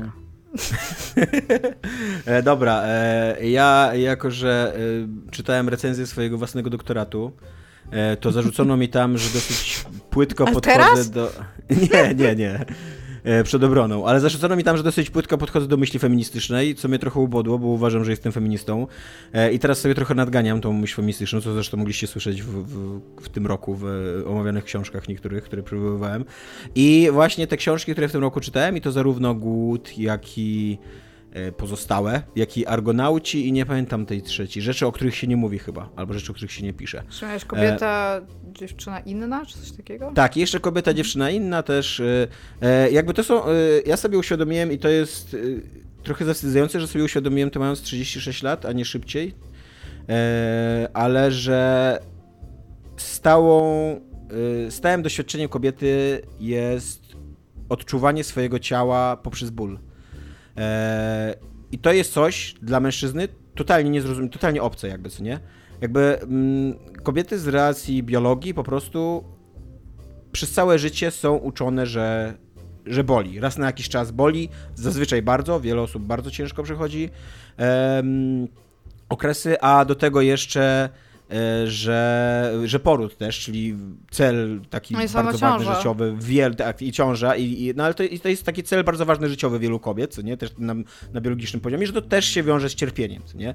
E, i, I tak, i to jest coś, y, z czego wydaje mi się, że w ogóle my mężczyźni sobie nie zdajemy sprawy, po prostu dlatego, że nie myślimy o, jakby o doświadczeniu innych, co nie. E, Jesteście i- białymi mężczyznami, czemu byście no, mieli nie, no tak, o doświadczeniu y, innych? ja- ja- jak faceta coś boli, to znaczy, że jest źle, to nie? Jak kobiety coś boli, to znaczy, że jest no, ten tydzień, co nie? I tam, że to jest jedna czwarta jej życia, co nie? I tyle na raz, co nie? A nie, nie, jak- krócej, bo jeszcze tam przed okresem jakby dorastania, potem masz menopauzę, no to No to zależy, co nie, to zależy. Ja miałem w liceum koleżankę, która miała jakieś w ogóle takie okresy horrorowate, co nieco mi mówiła, że po cztery w ogóle tygodnie krwawiła i, i zwijała się z bólu tak w ogóle, że do szkoły nie mogła pójść, co nie? rozumiem. Aczkolwiek tam, mówię wiesz, chodziła prostu, do lekarzy, walczyła, to to brała antykoncepcję. życia jakby, nie? No tak, tak, tak. Ale tak, ale to jest coś... e, i jakby- po prostu kobietom. Tak. Bo I, niech sobie nie myślą. może nie, może nie popkultura, ale kultura mi w, dokładnie w tym roku uzmysłowiła to. Jakby, wiesz, to nie jest tak, że ja nie wiedziałem tego, no bo oczywiście wiem, jak działa okres, ale jakby nigdy o tym nie myślałem, nigdy sobie nie zdałem sprawy ze znaczenia i, zjaw- i, i, i ze znaczenia i skali tego, em, tego tematu, co nie? I, I ważności tego dla połowy ludzkości. I jak dzisiaj, jak dzisiaj Więcej słyszę na przykład... połowę. Tak, więcej niż połowy, to prawda. I jak dzisiaj słyszę na przykład, że lewica ma pomysł, żeby były darmowe podpaski w szkołach, na co prawica w ogóle się oburza, bo to jest oczywiście jakaś seksualizacja, co nie, żeby dziewczynki, nie wiem, miały Podpaska to jest podpaski. tak seksualna rzecz, że jak poprosisz pierwszego lepszego typa, żeby poszedł kupić podpaski, to jest już po prostu tak nakręcony, że on nie może ich kupić, nie? Bo... Nie, nie mam problemu akurat z tym. E, ale, ale tak, no jakby, a, a totalnie uważam, że no kurde, no, gdyby, gdyby faceci mieli okresy, to byśmy od 200 lat mieli w każdej konstytucji zapisane prawo do darmowych podpasek, co nie? Tak mogłoby No. być. To jest moja odpowiedź. jest. Dominik? E, tak, i teraz mi głupio. No ja powiedziałam o wspinaczce i dyskorolce, więc jak myślisz, że ja się teraz czuję? Słucham. Y, y, y, mam pewną odpowiedź na to pytanie, ale zanim do niej przejdę, chciałbym odpowiedzieć na inne pytanie. Czym jest prawda? Nie, nie, nie. Nie, nie czy odpowiesz na pytanie, gdzie wazisz na randkę Audrey Plaza, jeżeli zadzwoni do? Trzy razy, jak do siebie zadzwoni, kiedy dwa razy odmówisz. To jest między nami, Tomek. Nie, nie jesteś wpuszczony do tej relacji zmyślonej. ja tylko moja... chcę wiedzieć, gdzie, gdzie wy będziecie, co nie? E... Może akurat będziemy przychodzić z Tomkiem obok. No. Ja niestety nie konsumuję zbyt mądrej i kształcącej popkultury za dużo. Zawsze jak Tomek opowiada o swoich lekturach, to czuję się taki takim dzieciakiem tutaj w towarzystwie dorosłych. E, I trochę też myśląc o tym pytaniu, tak, tak się poczułem, że, że właśnie dużo częściej szukam jakiejś ucieczki, jakiejś po prostu prostej rozrywki, powiedzmy na jakimś tam, załóżmy, poziomie, tak, ale, ale wiedza czy poszerzanie horyzontów jest dużo mniej moim celem i dużo jakby rzadziej tego pragnę niż, niż może bym nawet chciał, albo, e, albo powinien przynajmniej.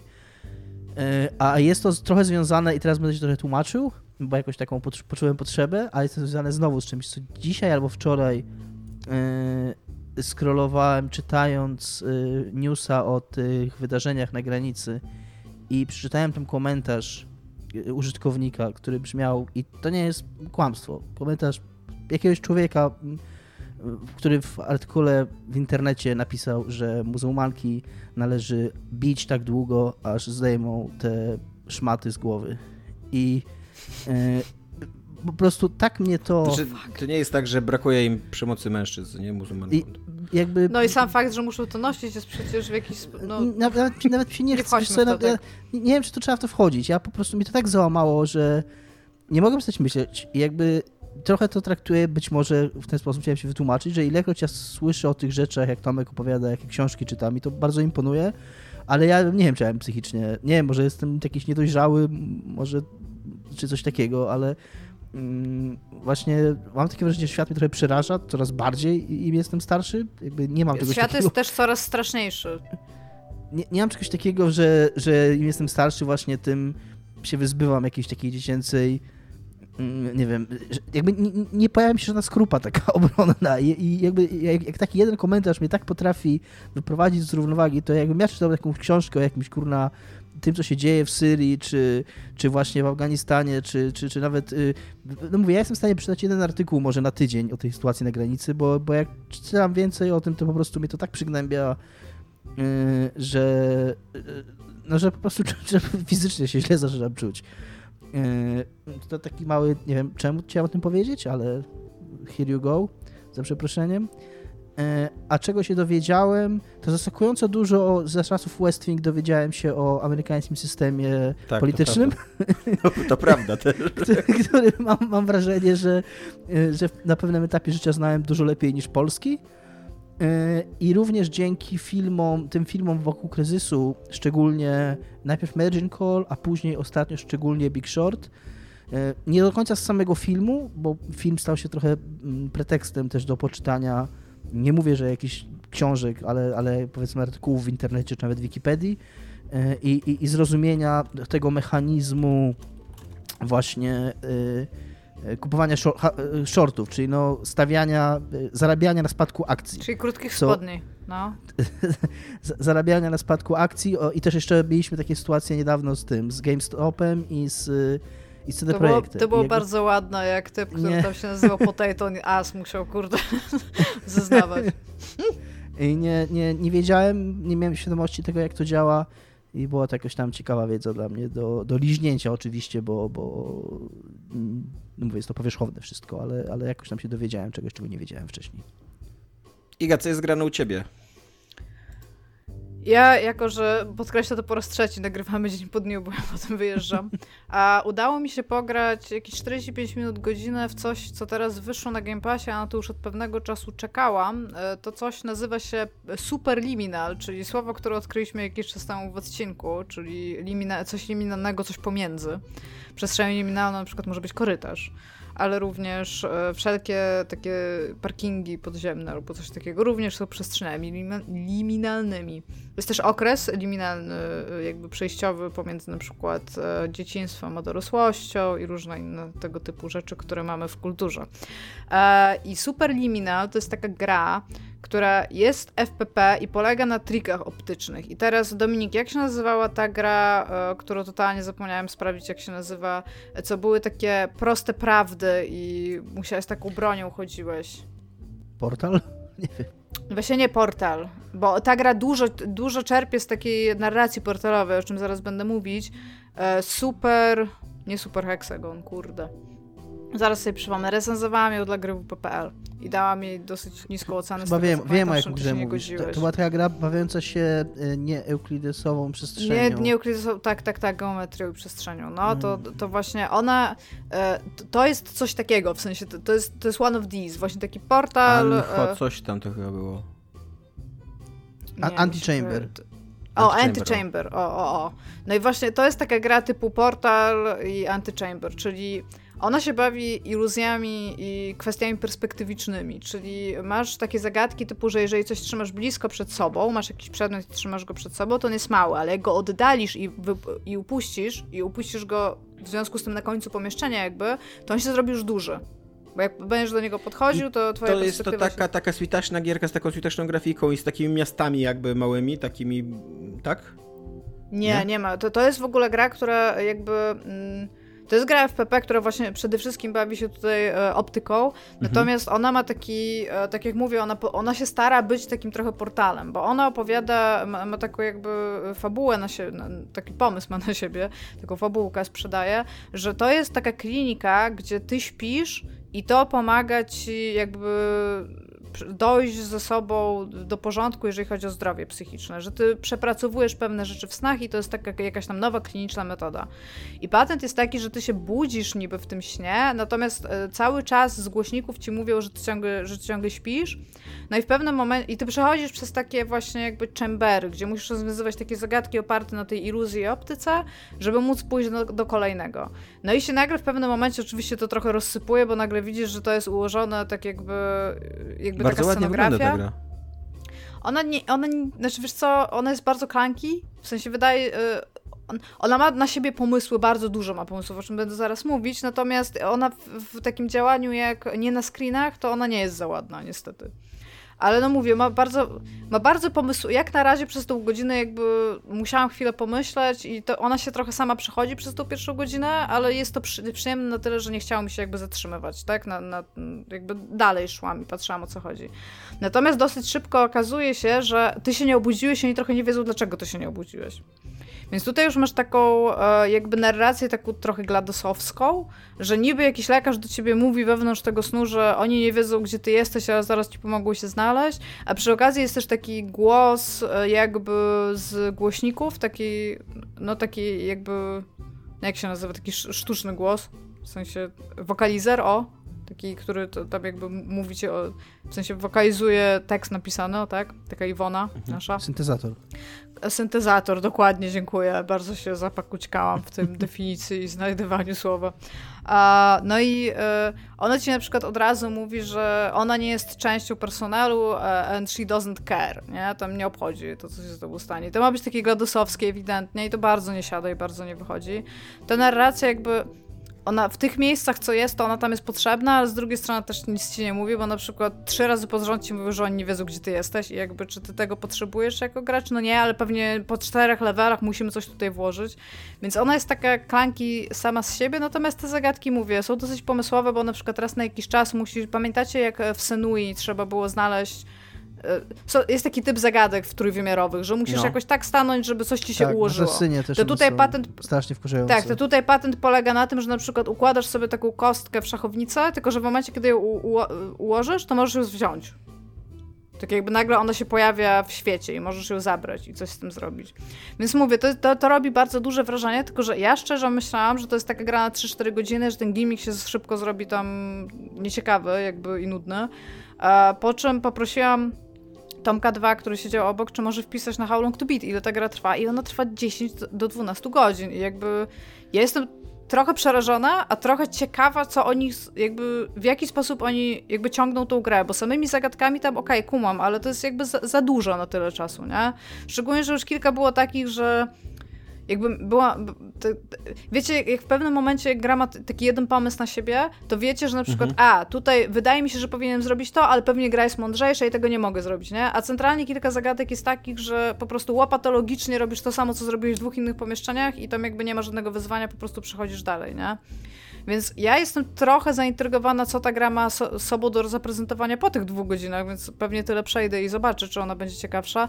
Natomiast w tym momencie jest ciekawe, jest w Game Passie, jeżeli macie Game Passa, to totalnie zobaczcie, bo to jest no, rzadko Właśnie, coś takiego wychodzi i czemu yy, tego nie e, zobaczyć. Ja widziałem, że ale to jest zdaniem... horror, czy to jest straszna gra? Nie, w sensie jak na razie przez tą godzinę w ogóle nie jest straszna. No mhm. wyobraź sobie taki portal, no. Okay, w sensie, no centralnie... Portal nie jest straszny. No, ale chodzi tylko, że portal też jest genialnie napisany, a tutaj nie masz tego mhm. genialnego napisaństwa. I te zagadki też, to wiesz, to nie jest Valve, Pisarstwa. nie? To, to, a jak powiedziałam? Napisaństwa. Napisaństwa. Tutaj była taka osoba, e, która kiedyś bardzo mocno starała się zrobić taki e, e, dla ludzi, którzy no, zajmowali się narracją w grach. No i tak bardzo, a to nie była osoba, która była pisarzem w jakikolwiek sposób, ale tak chciała jakby radość w narodzie obudzić, jakby i tak wszystko bardzo ładnie szło, ale nie potrafiła znaleźć czasownika od słowa narracja, nie? I tak, tak, no i wy tak narrujecie i tak, więc osoba, która e, jakby narruje, jest narrujem, nie? Dobra, ale w każdym razie to ten. E, więc jakby moim zdaniem ta gra trochę e, ona traci parę bardzo szybko. Mia miałam, tak, miałam takie wrażenie, że już mi się trochę nie chce w nią grać, ale mówię, jestem zaintrygowana, czy oni są w stanie pociągnąć rzeczywiście przez 10 godzin do gry. Jeżeli ona się zamienia w horror, to zrobi to bardzo nagle, że tak powiem, bo ona w ogóle nie ma żadnych takich y, znamion horroru. To jest raczej taki trochę dzień świstaka, na zasadzie, że ty wiesz, że ty jesteś w iluś snach jakby i że będziesz się przez ileś tam budził. Bardzo szybko jest takie coś, że e, dorosły człowiek jest w stanie mieć 5 do 6, do 6 snów jakby w noc, więc później może być bardzo źle. Przez całe życie. I ona się nawet robi taka, taka dosyć humorystyczna, ma takie, takie momenty humorystyczne, więc jakby jak ona by nagle przyszła w horror, to była bardzo zdziwiona. Co więcej, jeżeli by mi to wyszło, to bym chciała to zobaczyć, więc teraz mnie może trochę zaciekawiłeś. Ale mówię, jest w Game Passie i chciałam, chciałam to zobaczyć od pewnego czasu, jakby Mam zarówno wrażenie, że jak nigdy do niej nie wrócę, to to była fajna godzina, którą spędziłam, ale z drugiej strony pograć tą grę godzinę to trochę mało, nie? Jeżeli jest na 10-12 godzin. A ta, Mówię, jest, jest ciekawa. Ta switaśna hmm. gra, o której ja myślałem, to jest makiet. E, I okazuje się, że ona nie jest aż tak podobna, ale ma w sumie nie, podobne założenia trochę, że jesteś, jakby y, manipulujesz obiektami na makiecie małej, a y, sam jesteś w większej makiecie i to, co robisz na małej makiecie, ma odzwierciedlenie w, twojej, w twoim świecie, co nie? Jakby dookoła tak, ciebie. Nie, to tutaj, tutaj Ale masz... widzę teraz, że ma bardzo słabe recenzje zarówno graczy, jak i prasy, więc, hmm. więc nie będę w to grał. Ale tak, Anna Purna to wydała. Byłem nią kiedyś zainteresowany, dlatego mi się tak skojarzyła. No i właśnie to preliminal, tak, znaczy superliminal, yy, ja to kiedyś opisywałam kilka lat temu, że ona ma wyjść. Było to dla mnie ciekawe. I mówię, jak, jakby moim zdaniem spełnia totalnie oczekiwania. Nie wiem, czy potrzebuję 12 godzin tych samych oczekiwań. Jakby ile możesz iluzji optycznych zrobić, nie? No myślę, na, że... samym, na samym początku to jest super fan, naprawdę. Bardzo polecam, jeżeli macie Game Passa, po prostu usiądźcie, zainstalujcie sobie sobie przejdźcie pierwszych 30 minut i bądź, nawet potem zrezygnujcie, ale przez te 30 minut będziecie jak, ha, ciekawe. I to, to, jest, to, to jest coś nowego jakby, nie? Więc to jest okej. Okay. Więc tak. Tak zrobię. Dajesz pytanie następne. Daję wam pytanie następne. A powiedzcie mi krzywdzące kłamstwa kontra kłamstwa budujące. I jakby, czy, czy wszystkie z nich są tak samo złe? I tutaj jako krzywdzące kłamstwo bym powiedział jakieś takie przekłamanie faktów, może takie coś propagandowego w, jakby w stronę raczej nie za dobrą, a budujące to takie coś wholesome, co, co popkultura też czasami potrafi sprzedawać. Teraz Dominik zaczyna. Dobrze, Dominik zacznie, bo już dużo eee, mówiłam. I to znaczy, napić piciu. Mm, jeżeli mówimy, mówimy o popkulturze, to dopóki mm, to nie są jakieś takie faktycznie toksyczne kłamstwa, które prowadzą do jakichś y, potencjalnie negatywnych skutków, czy powiedzmy niezrozumienia historii. Wiem, że Tomek ma bardzo silną opinię na przykład na temat filmu Proces Siódemki z Chicago. Ja wiem też, że o 300 Tomasz ma taki... Mam, mam zapisane dokładnie tutaj dwa przykłady 300 i proces 7 z Chicago. Tro, trochę mnie znacie. Więc Bo to muszą być... Tomek ogólnie nie za bardzo lubi filmy, które mają jakąś liczbę. Nie powinien nigdy zaczynać mówić o 7. Nie chcecie słuchać rata Tomka o 7. To jest po prostu masakra. Dwa, tam 12 gniewnych ludzi Tomek nienawidzi. Assassin's 12 Creed małp. 3. Tak. Więc z pewnością można znaleźć Too przykłady. Fast, Too Furious. Z pewnością, można, z pewnością można znaleźć przykłady kłamstw, które w tym dążeniu do opowiedzenia atrakcyjnej historii, bo dopóki obracamy się e, w e, jakby w sferze kultury popularnej, no to załóżmy, że wyłączamy stąd na przykład, nie wiem, filmiki propagandowe III Rzeszy, czy coś takiego, nie, tam filmy propagandowe, czy tam jakieś faktycznie, jakby dopóki mówimy po prostu o popkulturze, o, o, filmach, serialach, które są puszczane w kinach i tak dalej dla masowego widza, dla rozrywki, to, mm, to generalnie uważam, że nie, że jakby taka była moja pierwsza teza, to było pierwsze, co powiedziałem w tym odcinku, że spoko, że popkultura nie istnieje bez kłamstwa, więc gdybym teraz Mhm. powiedział, że, że, że kłamstwo jest złe, takie bądź inne w popkulturze, to bym od razu skreślił tą, popkul- tą popkulturę, jakby z prostego wy- wy- wynikania jednego z drugiego, więc, więc nie mam z tym problemu, natomiast oczywiście można znaleźć przykłady yy, i ja nie wiem, czy mam takie przykłady, takie jak, y, jak Tomek miał. Y, Na pewno y, są pewne rzeczy, które, które ideologicznie są jakoś tam szkodliwe, ale znów to jest bardzo jednostkowe i bardzo subiektywne, bo, bo ja mogę sobie mówić, jak to South Park y, mi krzywdę zrobił, bo przedstawił mi wizję świata, która po latach stwierdzam, że nie jest zgodna z moimi poglądami. No dobrze, ale na przykład Ale- miałeś ostatnio taki przykład, No. o którym ze mną rozmawiałeś. I to jest przykład e, Garego Grgicza w Parks and Recreations. Tak. To jest jakieś prawda, którą ci pokazuje ten serial, że, że można jakby wykonywać takie akcje jak No nie, bohaterowie no, ale względem... To jest fikcja. Akurat uważam, że to jest jedyna wada tego serialu. Taka, jest, jest jedna postać, który, który cały żart tego serialu polega na tym, że, no, że oni mob, prowadzą mobbing w stosunku do tego, do tego, bo jest to... Ale tego jest dużo więcej w popkulturze, że jesteś w stanie jakby w grupie naśmiewać się z, z kogoś, kto, kto jest jakby efektem komicznym, nie? Tak, jakby ale nie rozumiem, co to to, to jest jakieś ogólne kłamstwo nie, nie mam, nie rozumiem tego, jak- to się ma do pytania o, kłamstwo i prawdę. No, że, że jest to krzywdzące kłamstwo. jest krzywdzące że, kłamstwo. Że, że coś Tak takiego nie jest zabawne i jest okej. E, No uważam, że, że w pewnym sensie tłumaczenie zachowań, które są w widoczny sposób szkodliwe, jakby czynienie z nich jakiejś cnoty, czy, jakiej, czy czegoś, y, z, z czym widz ma sympatyzować, tak.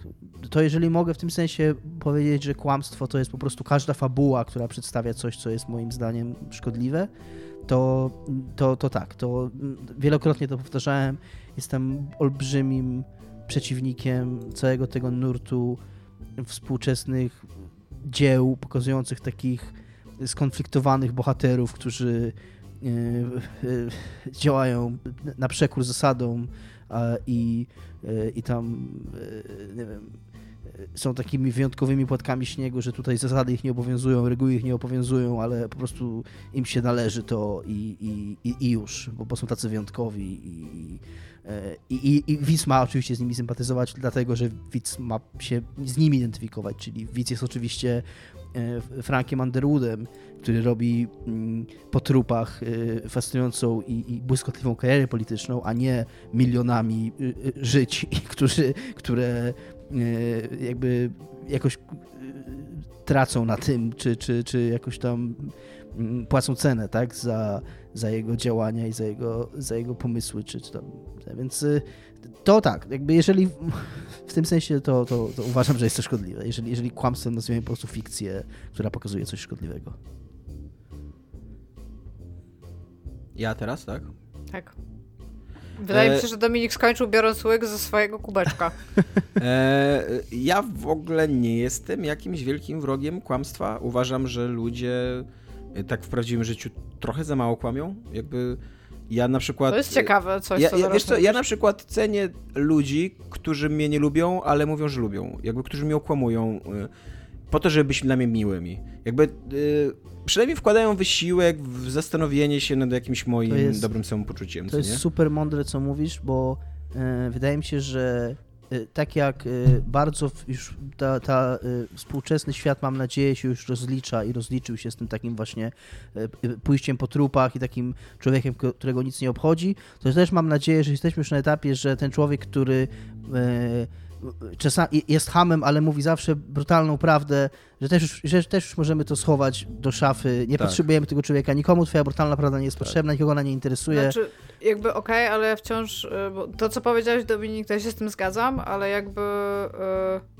bo, bo ja po prostu uważam, że czasami może warto milczeć, niż, niż jasne, powiedzieć jasne. coś tego, ale z drugiej strony ja na przykład bym bardzo nie chciała, żeby ktoś, kto mnie nie lubi, udawał, że mnie lubi. Wiesz co, ale y, no oczywiście, że, żeby nie udawał twojego przyjaciela, co nie? Bo nie, nie, w sensie, że realnie bym wolała, żeby ktoś ale... mi powiedział, wiesz co, wnerwiesz mnie, idź stąd. Ja totalnie nie, ja totalnie nie, zwłaszcza, e, zwłaszcza w relacjach zawodowych, e, zwłaszcza w korporacji, gdzie... A to, to tam nie ma miejsca, moim zdaniem, na takie rzeczy, żeby w ogóle... No właśnie, wie, i, i, i to jest forma kłamstwa, gdzie, gdzie ludzie mówią sobie, znaczy są dla siebie mili, bo, bo to jest po prostu prostsze i to jest po prostu mm, bardziej praktyczne obojętne co czujesz, a przecież w korporacji powstaje zaraz, zaraz cała sieć spisków i, e, i, i właśnie jakichś takich relacji personalnych i, i, budują się całe kliki i tak dalej.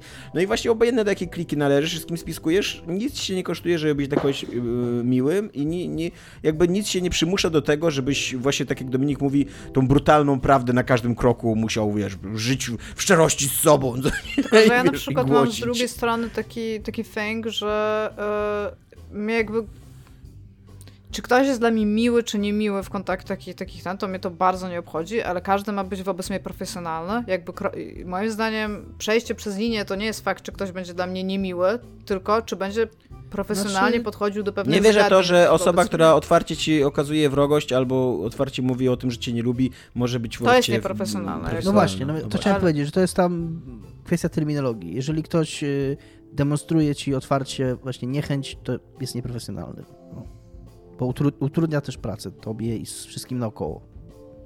Tak. To, co, co, ja chciałam powiedzieć, to kwestia, e, czy ktoś jest e, jakby miłości czy niemiłości, nie ma dla mnie żadnego najczęściej znaczenia w kontekście pracy, tak? Ktoś może być e, w moim mniemaniu powiedzmy bucem, ale dopóki jakby ogarnia swoje rzeczy, dostarcza rzeczy, które ma dostarczyć, to jakby mnie to, mnie to w no ogóle no tak, nie obchodzi. Ale ja też, nie jestem żadna dla tego człowieka. Ale też nie, nie czujesz potrzeby demonstrowania, dyskutowania na ten temat, dzielenia się ze światem zewnętrznym twoją opinią na temat tego człowieka i na temat jego osobowości. Tak, tak. Jakby ta osoba dla mnie nie istnieje poza no środowiskiem To jest już bardzo, prostu, no. to już jest, może nie powiem bardzo dużo, ale to jest jakby taki... No, ale też nie będę dla tej osoby miła, tak? Jakby w jakikolwiek sposób, bo, bo dlaczego miałabym być, jeżeli na przykład bo dlaczego w sensie nie? nie jest, jestem żadna dla niej. No nie wiem. Ja po prostu mówię, że pomiędzy waszymi stanowiskami e, jakby istnieje bardzo dużo tak, e, ham, który zawsze mówi brutalną prawdę, ale wiesz, nad so cool, ja też nie, ale z drugiej ja strony właśnie nie chciałabym, ja żeby nie rozumiem, ktoś był dla miły tylko wyłącznie nie, nie, dlatego, że... Nie, nie, nie, mówię, nie rozumiem tutaj bycia miłym przez kupowanie mu prezentu na urodziny, odwiedzania, tam odbieranie jego dzieci z przedszkola i tak dalej, nie? Tylko po prostu powiedzenia mu cześć na korytarzu, jak go mijam e, i, i, i, i, i, i jakby prowadzenia z nim rozmowy jakby na równej stopie, jakby nie traktowania go z wyższością czy, z niż, czy, czy, czy coś takiego. Jakby to, to uważam za, za bycie miłym, po prostu taki standardowy poziom zero kontaktu międzyludzkiego. No. Tak. On się chyba nawet nie witała z ludźmi, których nie znam. No nie, to no, już okay. jest moim zdaniem słabe. E, to, co mnie wkurza, tak, e, jeżeli chodzi właśnie o przekłamania, to jest, to, to, to już tutaj daliście taki e, sygnał, że strasznie mnie wkurza przekłamywanie historii po to, żeby uzasadnić jakiś swój e, ideologiczny punkt widzenia. E, I zazwyczaj to przekłamywanie historii opiera się przede wszystkim na upraszczaniu historii. Historia jest cholernie skomplikowana. I każdego narodu i zazwyczaj każdego wydarzenia, rzadko kiedy to są proste, łatwe tematy. I jeżeli ja szukam czegoś w popkulturze, jeżeli ja cenię coś w popkulturze, to właśnie takie uczciwe podejście do, do zrelacjonowania tego, do pokazania skomplikowaności świata, skomplikowania świata i wielowarstwowości rzeczywistości, co nie? A, a niestety, zwłaszcza Hollywood, namiętnie wykorzystuje narracje historyczne, jakieś wydarzenia historyczne, po to, żeby je celowo przedstawić w fałszywym świetle, żeby jakiś tam wycisnąć z tego happy end, czy ideologiczną właśnie jakąś taką um, naukę godną z amerykańskim snem zazwyczaj, albo z jakimś takim liberalnym y, point of view, co nie? Punktem widzenia. E, więc więc to, mnie, to mnie strasznie triggeruje. E, głównie dlatego oczywiście, że mam raczej lewicowe poglądy, a, e, a te narracje zazwyczaj demonizują wszelką lewicowość, co nie? Tak jest. E, więc tak, więc, więc to, to, mnie, to mnie wkurza Sama bardzo. historia uważam, też jest... jest... dosyć dużym przekłamaniem, tak w sensie fakty tak, historyczne tak. są... Tak, tak, to prawda, co nie? E, więc to jest coś, co mnie, co, co, te, to są kłamstwa, które uważam, uważam za szkodliwe, bo jednak e, nie doceniamy trochę tego, jak bardzo historia buduje nasze pojęcie o, o, o, jak bardzo popkultura buduje nasze pojęcie o historii, nie? Mhm. Jak wiele zapamiętujemy z tego i jak wiele później wydaje nam się, że no to musi być prawdą, ale przynajmniej cząstka z tego jest prawdą, coś tam wiem na temat tego wydarzenia, bo obejrzałem film i tak dalej. A bardzo często nie dość, że nie, wie, nie wiesz nic po, po obejrzeniu filmu o jakimś wydarzeniu historycznym, to jeszcze twoja wiedza może być fałszywa, zafałszowana. Nie? Ja na przykład wiem, że jeden czołg uratował praktycznie całą Europę w II wojnie światowej. No. I tam był Brad Pitt w środku tego czołgu. tak, tak. No, Dobra, no i właśnie, to była skomplikowana historia, która, którą trzeba by było opowiedzieć na, na wielu poziomach e, o bradzie Picie i tam trzeba było Angeliny Jolie włączyć, ich dzieci, ten rozwód, tak. przyjaciół i tak dalej. A, a David Ayer też, wziął go, ten film i zgwałcił po prostu i tylko trzeba pamiętać, że, trzeba, trzeba pamiętać, że to może, to może był jeden czołg i być może jeden czołg wygrał, ale też ten czołg nie żył w, nie żył w próżni. On, jakieś, tak. jakieś inne czołgi pracowały na jego kształcenie, na jego, tak, tak. Na jego dobrobyt, na to, że miał... On zostawił on zostawił w magazynie z, y, swoje tankietki, co nie, którymi się opiekował tak. i zarabiał na ich życie, co nie. wszystko jest, wszystko jest skomplikowane, dużo bardziej niż... Tak, i tutaj bym chciała, ja mam tutaj jeszcze takie jedno, to będzie ostatnie pytanie, potem będziemy powoli kończyć, natomiast to jest takie pytanie, które mam Później będzie porno, a nie kończyć. Tak, tak, tak, no, dla Dominika, które nie jest tutaj zapisane. Dominiki, to jest pytanie, na które bym chciała, żebyś ty specyficznie odpowiedział. Czy jesteś gotowy? Okej. Okay. Dominik, czym jest prawda? Ja też mam w ogóle pytanie specyficznie do Dominika zapisane, to, tak żeby było zabawnie. Nie wiem, nie wiem czym jest prawda.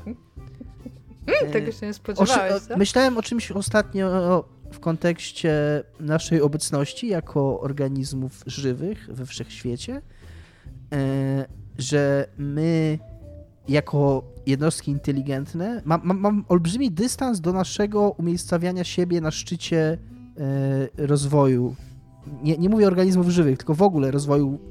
Jakby my jesteśmy według siebie szczytem. Tak, to jest Obama medal, sami sobie dajemy medal my jesteśmy, tego, jak jesteśmy super Jesteśmy najlepszym, te, no. jesteśmy przykładem, na, jesteśmy na szczycie tego, co wszechświatowi udało się stworzyć. E, I jako istoty inteligentne i najbardziej inteligentne w swojej okolicy, którą, którą ogarniamy, stawiamy inteligencję jako, jako najwyższą wartość. I jasne, być może nie ma czegoś bardziej inteligentnego we wszechświecie, ale być może jest jakaś inna cecha bytu, która nie jest inteligencją i, a, i nie jest w ogóle czymś, co my jesteśmy w stanie w jakikolwiek sensie zrozumieć, która w jakichś obiektywnych miarach, jeżeli one istnieją, jest y, bardziej wartościowa. Nie wiem, czy to w jakikolwiek sposób odpowiada na twoje pytanie, Iga. To jest dobra odpowiedź, ale chciałam też powiedzieć, że czytam ostatnio taką książkę praktycznie faktograficzną. To jest y, trzeci tom Autostopem przez Galaktykę. I tam ewidentnie jest powiedziane, że najinteligentniejszym stworzeniem w, jakby na Ziemi jest delfin więc... Jestem w stanie w to uwierzyć totalnie. Tak, więc jakby nic, jakby nic więcej tutaj nie mam do powiedzenia, jakby, no co wam powiem. Nawet, nawet najbardziej nie O, ja wiem, chciał wiem co jeszcze. My nawet, my nawet w tym, jakby w tym takim przekonaniu o własnej wyższości jako gatunku e, jesteśmy właśnie strasznie antropocentryczni, bo jak powiedzmy za 2 miliardy lat przylecą obcy tutaj na, na Ziemię i będą przeprowadzili jakieś e, e, badania archeologiczne, to totalnie będą przekonani, że Ziemia to była planeta dinozaurów, a nie tego tam 40-tysięcznego epizodu, kiedy człowiek jeszcze... najpierw powstał, później zdobył dominację, a później wyginął z własnego powodu. Jeszcze mam tutaj, jeszcze jedną rzecz mam tutaj dla was. Wprowadził tu raz nagle Einsteina z, z ławki rezerwowych i jego... Czy jeśli będzie bił z naszym makruchanem, bo to, to może nie wyjść za dobrze, nie? E, bo też jeszcze właśnie tej, e, a propos naszej antropocentryczności, na przykład my definiujemy prędkość światła w naprawdę absurdalny sposób, jeżeli się na tym zastanowić, bo w naszej definicji światła jest sekunda, bazująca na okresie obrotu Ziemi wokół jej własnej osi i, i metr, czyli jednostka odległości na tejże Ziemi, że jakby prędkość światła można zdefiniować zupełnie inaczej wobec czego wszelkiego rodzaju, jak, macie, jak macie to słynne równania Einsteina, R równa się mc kwadrat, to to, że to c i tam jest do kwadratu, to nie ma żadnego znaczenia, bo w ogóle c zdefiniowane tak jak my je definiujemy, to jest po prostu tylko przeskalowanie tej wartości do, do naszych, do właśnie naszego antropocentrycznego sposobu myślenia, że musimy tam naszą sekundę i nasz metr w to włączyć, że równie dobrze pod c można podstawić 1, E, jakby istotą, właśnie bo takie pytanie czytałem gdzieś na kłorze, że właśnie ktoś się zastanawiał, że skoro pod C można postawić jeden, no to mm, to jakby, to po co jest to, to, to, po, to, to, po co jest to do kwadratu, nie? Tak by to można po prostu, że E równa się y, M i że jakby to, M, nie, M po prostu, bo C jest jeden. Y, I, I, że właśnie cała, cała istota właśnie tego słynnego równania Einsteina jest właśnie taka, że, że energia to masa, że, że jakby prędkość światła, ona ma dla nas znaczenie tylko dlatego, że po prostu my ją definiujemy w swoich jednostkach, nie? Więc taką jeszcze tutaj dla was informację mam. Ale nas zaszedł, kurde, tutaj, co nie od prawej. Tak, My mu z Makruchanem... wiesz? Ja wiedziałam, że ma Steina po prostu na ławce. No myślałam, że już wyłożył w Jeszcze poprzedniej rundzie jakby. No, nieźle, żeś go nie przetrzymał, co nie? Klasyczny bez karciarz atu, z siebie. Bez atu, no co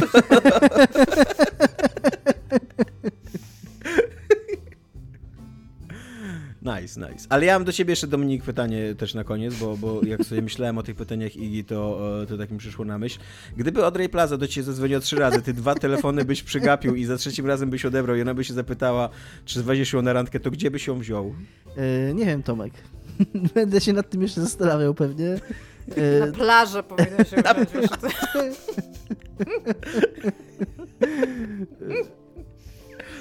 ale podejrzewam, wyobrażam sobie, jakby to skomentowała, jeżeli naprawdę jest taka jak impresjonistyczna. Ja nie wiem, czy ja bym sobie chciała rozmawiać bez telefonu, nie patrząc na jej twarz, wiesz, bo to jest potrzebne, mam wrażenie. To musiałaby być wideokonferencja.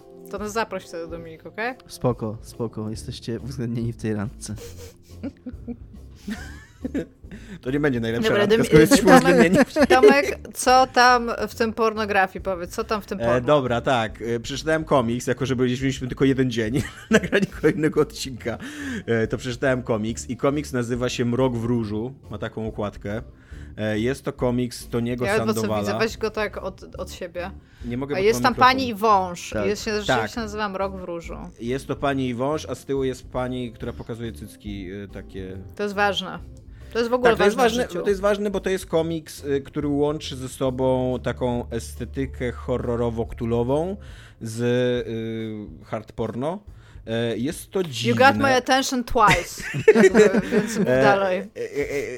Tony Sandoval to jest taki artysta, który od dawna flirtował, znaczy od zawsze tak naprawdę, przynajmniej z tego, co ja znam jego twórczość, a dosyć dużo jego komiksów wyszło w Polsce, bo on wydaje mi się, że w ogóle się osobiście przyjaźni z Pawłem Timofejukiem, czyli jednym z ważniejszych wydawców w Polsce. I to jest taki artysta, który od dawna flirtował z takim mm, takim horrorowatym emo, że się tak wyrażę. Dziewczyny z czarnymi włosami, mające mroczne myśli, piszące wiersze, e, morze, co nie, takie, z którego wychodzą jakieś niebezpieczeństwa. I tak dalej, i tak dalej, a przy okazji... mi ulubiony autor i przyszły mąż, mów dalej. E, te, przy okazji też trochę go interesuje jakiś taki body horror, ale taki body horror bardziej na przykładzie potworów, w którym tam wyrastają kolejne rzeczy, one mutują i można ich rozcinać na pół i tam sprawdzać jaka jest anatomia tego i tak dalej. I e, od, chyba od jakiegoś czasu e, interesuje go też erotyka, bo tak za, za, zauważam, że coraz bardziej roznagliżowane są te jego kobiety e, i coraz odważniej jakby e, penetruje ten temat docencie.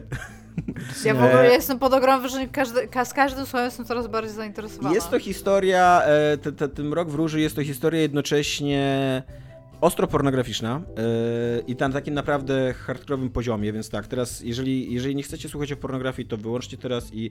Bo jest to na przykład scena, jak yy, dziewczynie wyrasta penis, któryś i, i ona zaczyna spółkować ze swoją przyjaciółką. Ten penis w trakcie stosunku zamienia się w węża, co się kończy tak, że wąż strzela koleżance w twarz, przy czym jest taki jeszcze efekt takiego puf, takiej chmury jakby uderzenia, co nie? Nie wiem, czy widzicie tu na dole. Tak, ja widzę. Chmury uderzenia, co takie puf, jakby tam granicy, y, prędkość dźwięku przekraczał ten wytrysk, co nie? Ta dziewczyna dostaje w ogóle odrzutem, co nie? A później wygląda tak. E, więc, tak się e, zdarza. Więc tak, więc, e, więc jest to dziwne. E, nie wiem, czy to jest. Wygląda ja tutaj powiem jak w, jak w takiej masce na twarzy azjatyckiej trochę.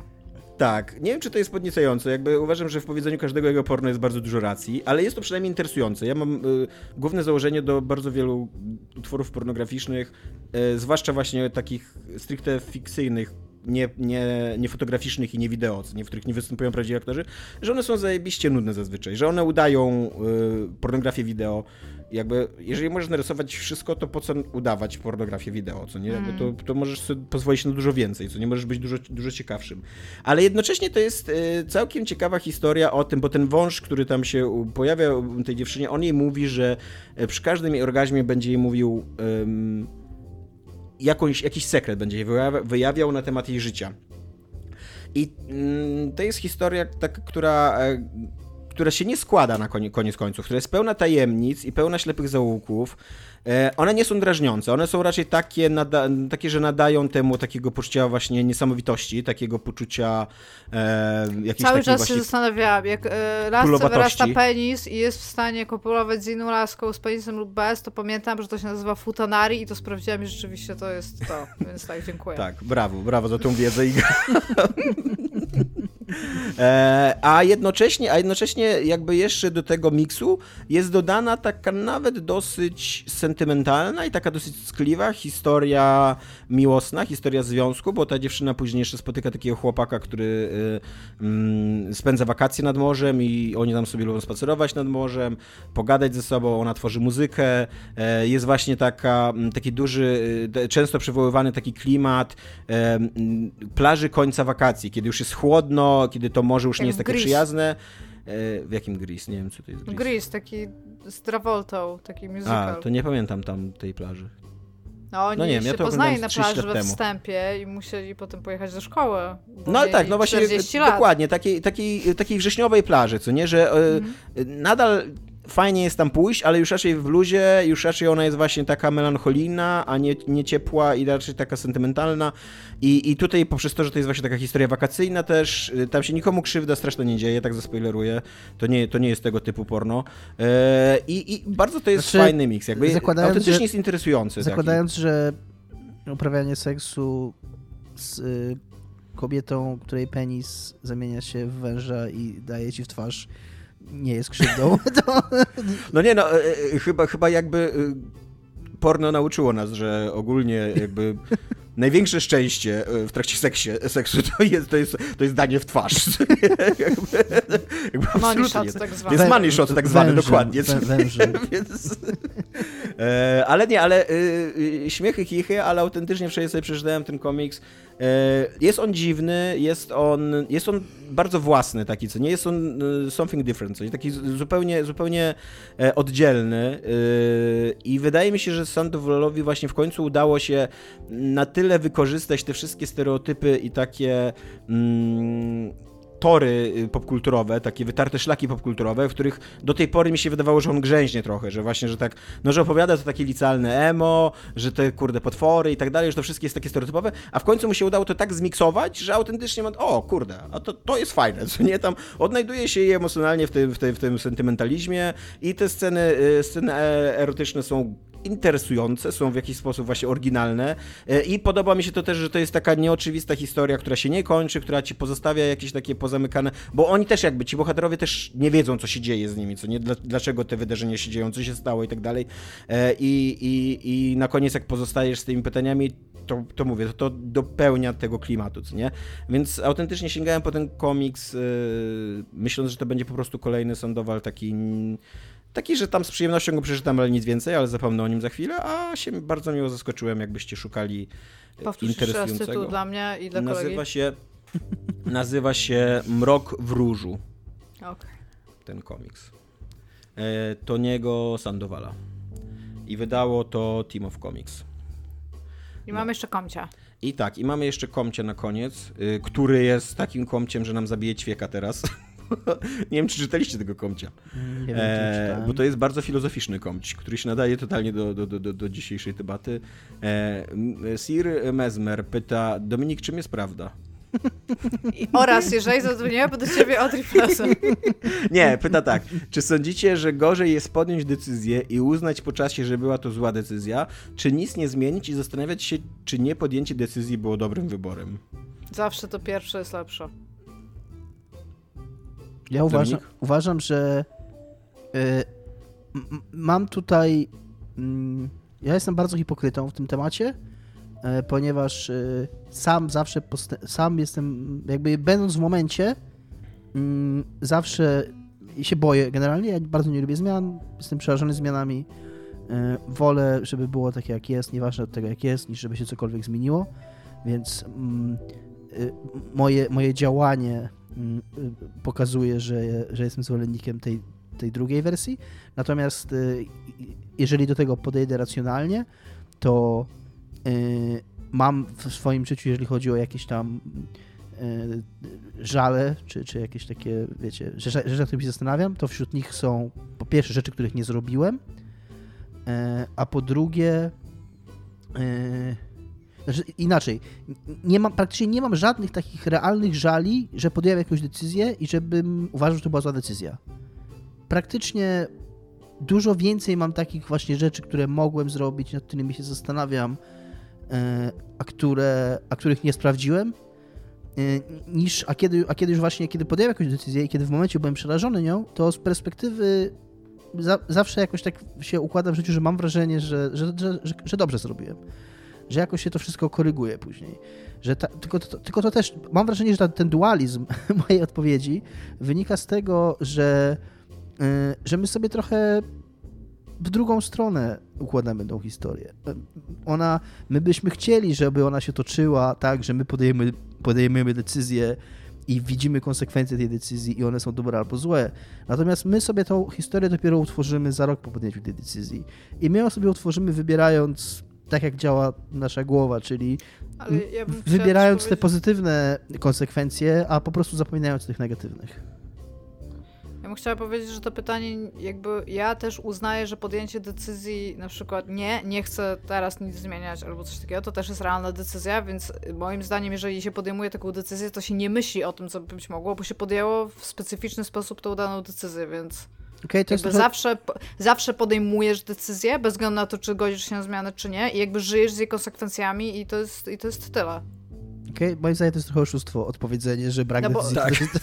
To, no bo, ale decyzja. takie było pytanie. No, ale no, momencie, weź przeczytaj to pytanie. W tym momencie to pytanie nie ma sensu, no bo jeżeli uznajemy, że nie podjęcie decyzji Ja odpowiadam na to pytanie, a nie takie, y, nie na takie, co, co sobie wymyśliłam. Czy sądzicie, że gorzej jest podjąć decyzję i uznać po czasie, że była to zła decyzja, czy nic nie zmieniać i zastanawiać się, czy nie podjęcie decyzji, czy nie podjęcie decyzji było dobrym wyborem? Więc jak dla mnie, jeżeli to jest dla mnie wybór, w którym możesz podjąć decyzję i coś no zrobić, ale albo nie powiedzieć nic. Nie, no to pytanie bardzo wyraźnie sugeruje, że obie decyzje są wyborem, yy, a i, i, czy coś zmienić, czy nic nie zmieniać, no. To nie, nie chodzi o sam podjęcie decyzji, tylko czy coś zmienić i i skonfrontować się z e, wynikiem tej zmiany, czy niczego nie zmieniać i skonfrontować się z być może ja przyszłym żalem, że tego nie zmieniłeś? mam bardzo dużo takich decyzji, w których muszę albo coś bardzo diametralnie zmienić i to tak naprawdę, tak bardzo całościowo jakiś bardzo dużą część mojego życia, albo nic nie zmieniać i bardzo dużo tych decyzji podejmuję bardzo po długim przemyśleniu, że, że nie, że, że, że, że to nie będzie jakby okej, okay. więc jakby dla mnie, dla mnie ten brak zmiany też jest w jakiś sposób zmianą, tak?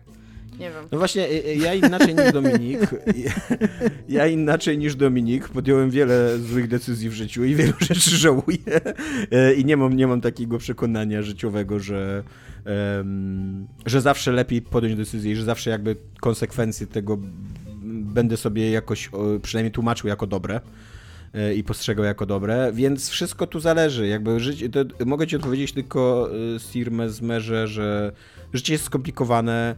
E, komfort, który masz e, dzisiaj przed podjęciem tej decyzji, bo rozumiem, że jakąś ważną decyzję musisz podjąć, ten komfort też ma swoje, swoją wagę i swoją, swoją cenę i, i swoje znaczenie. I no, jakby trzeba ocenić, czy ryzyko jest warte świeczki. Ale prawda też jest taka, że człowiek jest w stanie się dostosować do bardzo wielu warunków i zawsze, zawsze, na koniec dnia zawsze jest najba najbardziej okej, okay, jak mogło być. Ja też trochę nie wierzę do końca w podejmowanie decyzji w życiu. Ja myślę, że życie się po prostu wydarza, że jakby na, na, na pewnym etapie twojego życia spotykasz po prostu rzeczy, jakby natykasz się na rzeczy i jeżeli masz się przez nie przetoczyć i żyć z nimi dalej, to się przetoczysz i żyje, będziesz żył dalej, a jeżeli nie, to nie. I, nie do końca tutaj, wiesz, masz... E, dużo do gadania, no. Dużo do gadania, tak. Jakby na przykład mieszkanie kupiłem, bo się przydarzyło, co nie? Jakby gdybym nie poszedł z Owsianym na kawę kiedyś, to nigdy w życiu bym nie kupił mieszkania, a tutaj nagle moim, na, na, na, na moim życiu, na, na, na mojej ścieżce się pojawiło mieszkanie i oto jestem, co nie? E, chciałbym tutaj wspomnieć jeszcze o czymś e, zwanym o Einsteinie. Determinizm, determinizmem Laplace'a, czyli e, taką podejściem do fizyki, które, które mówi nam, że wszystko, co że, że skoro fizyka i skoro cały obserwowany wszechświat rządzi się pewnymi prawami, że na przykład jeżeli puścimy kulkę z tak. wzgórza, to ona będzie dotrzeć z tego wzgórza, to tak naprawdę wszystko, co my przeżywamy, nie ma żadnej wolnej woli, nie ma żadnych decyzji, jest tylko układ, który został w jakimś, w jakim, był w jakimś stanie początkowym, został z tego stanu początkowego opuszczony w ruch i po prostu jesteśmy w środku tego układu i jesteśmy tą kulką, która, tak. która z wzgórza się toczy. To, co się dzieje w naszym mózgu, to są procesy fizyczne, które, którymi rządzą I prawa, chemiczne. i chemiczne, i chemiczne, którymi rządzą prawa natury, nad którymi nie mamy żadnej tak. kontroli. Tak. Y, więc y, możesz tak do tego podejść również. Więc y, to nie, to nie jest Trzeba tak, że ty podejmiesz decyzję, tylko, tylko zależnie od tego, jaką masz chemię w mózgu, to się wydarzy tak, i dużo w, tym, w tym kierunku pójdziesz. Tak. To jest koniec planu. To jest, to jest koniec planu, brać dużo narkotyków, kropka.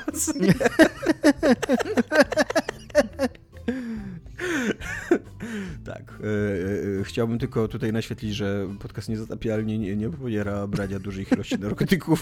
Jakby nie jesteśmy też jakoś bardzo przeciw, ale też nie zachęcamy. Jakby jesteśmy neutralni w tej Tak jak Iga wobec ludzi, e, których nie lubi w pracy jest neutralna, tak my jesteśmy neutralni wobec Nie, po prostu mój stan, kiedy idę do pracy, to jest stan zero. Ci ludzie są tam po to, żebyśmy razem I dokładnie, okay? i dokładnie Dobrze stan, nie być stan zero wobec narkotyków to jest stan niezatapialnych.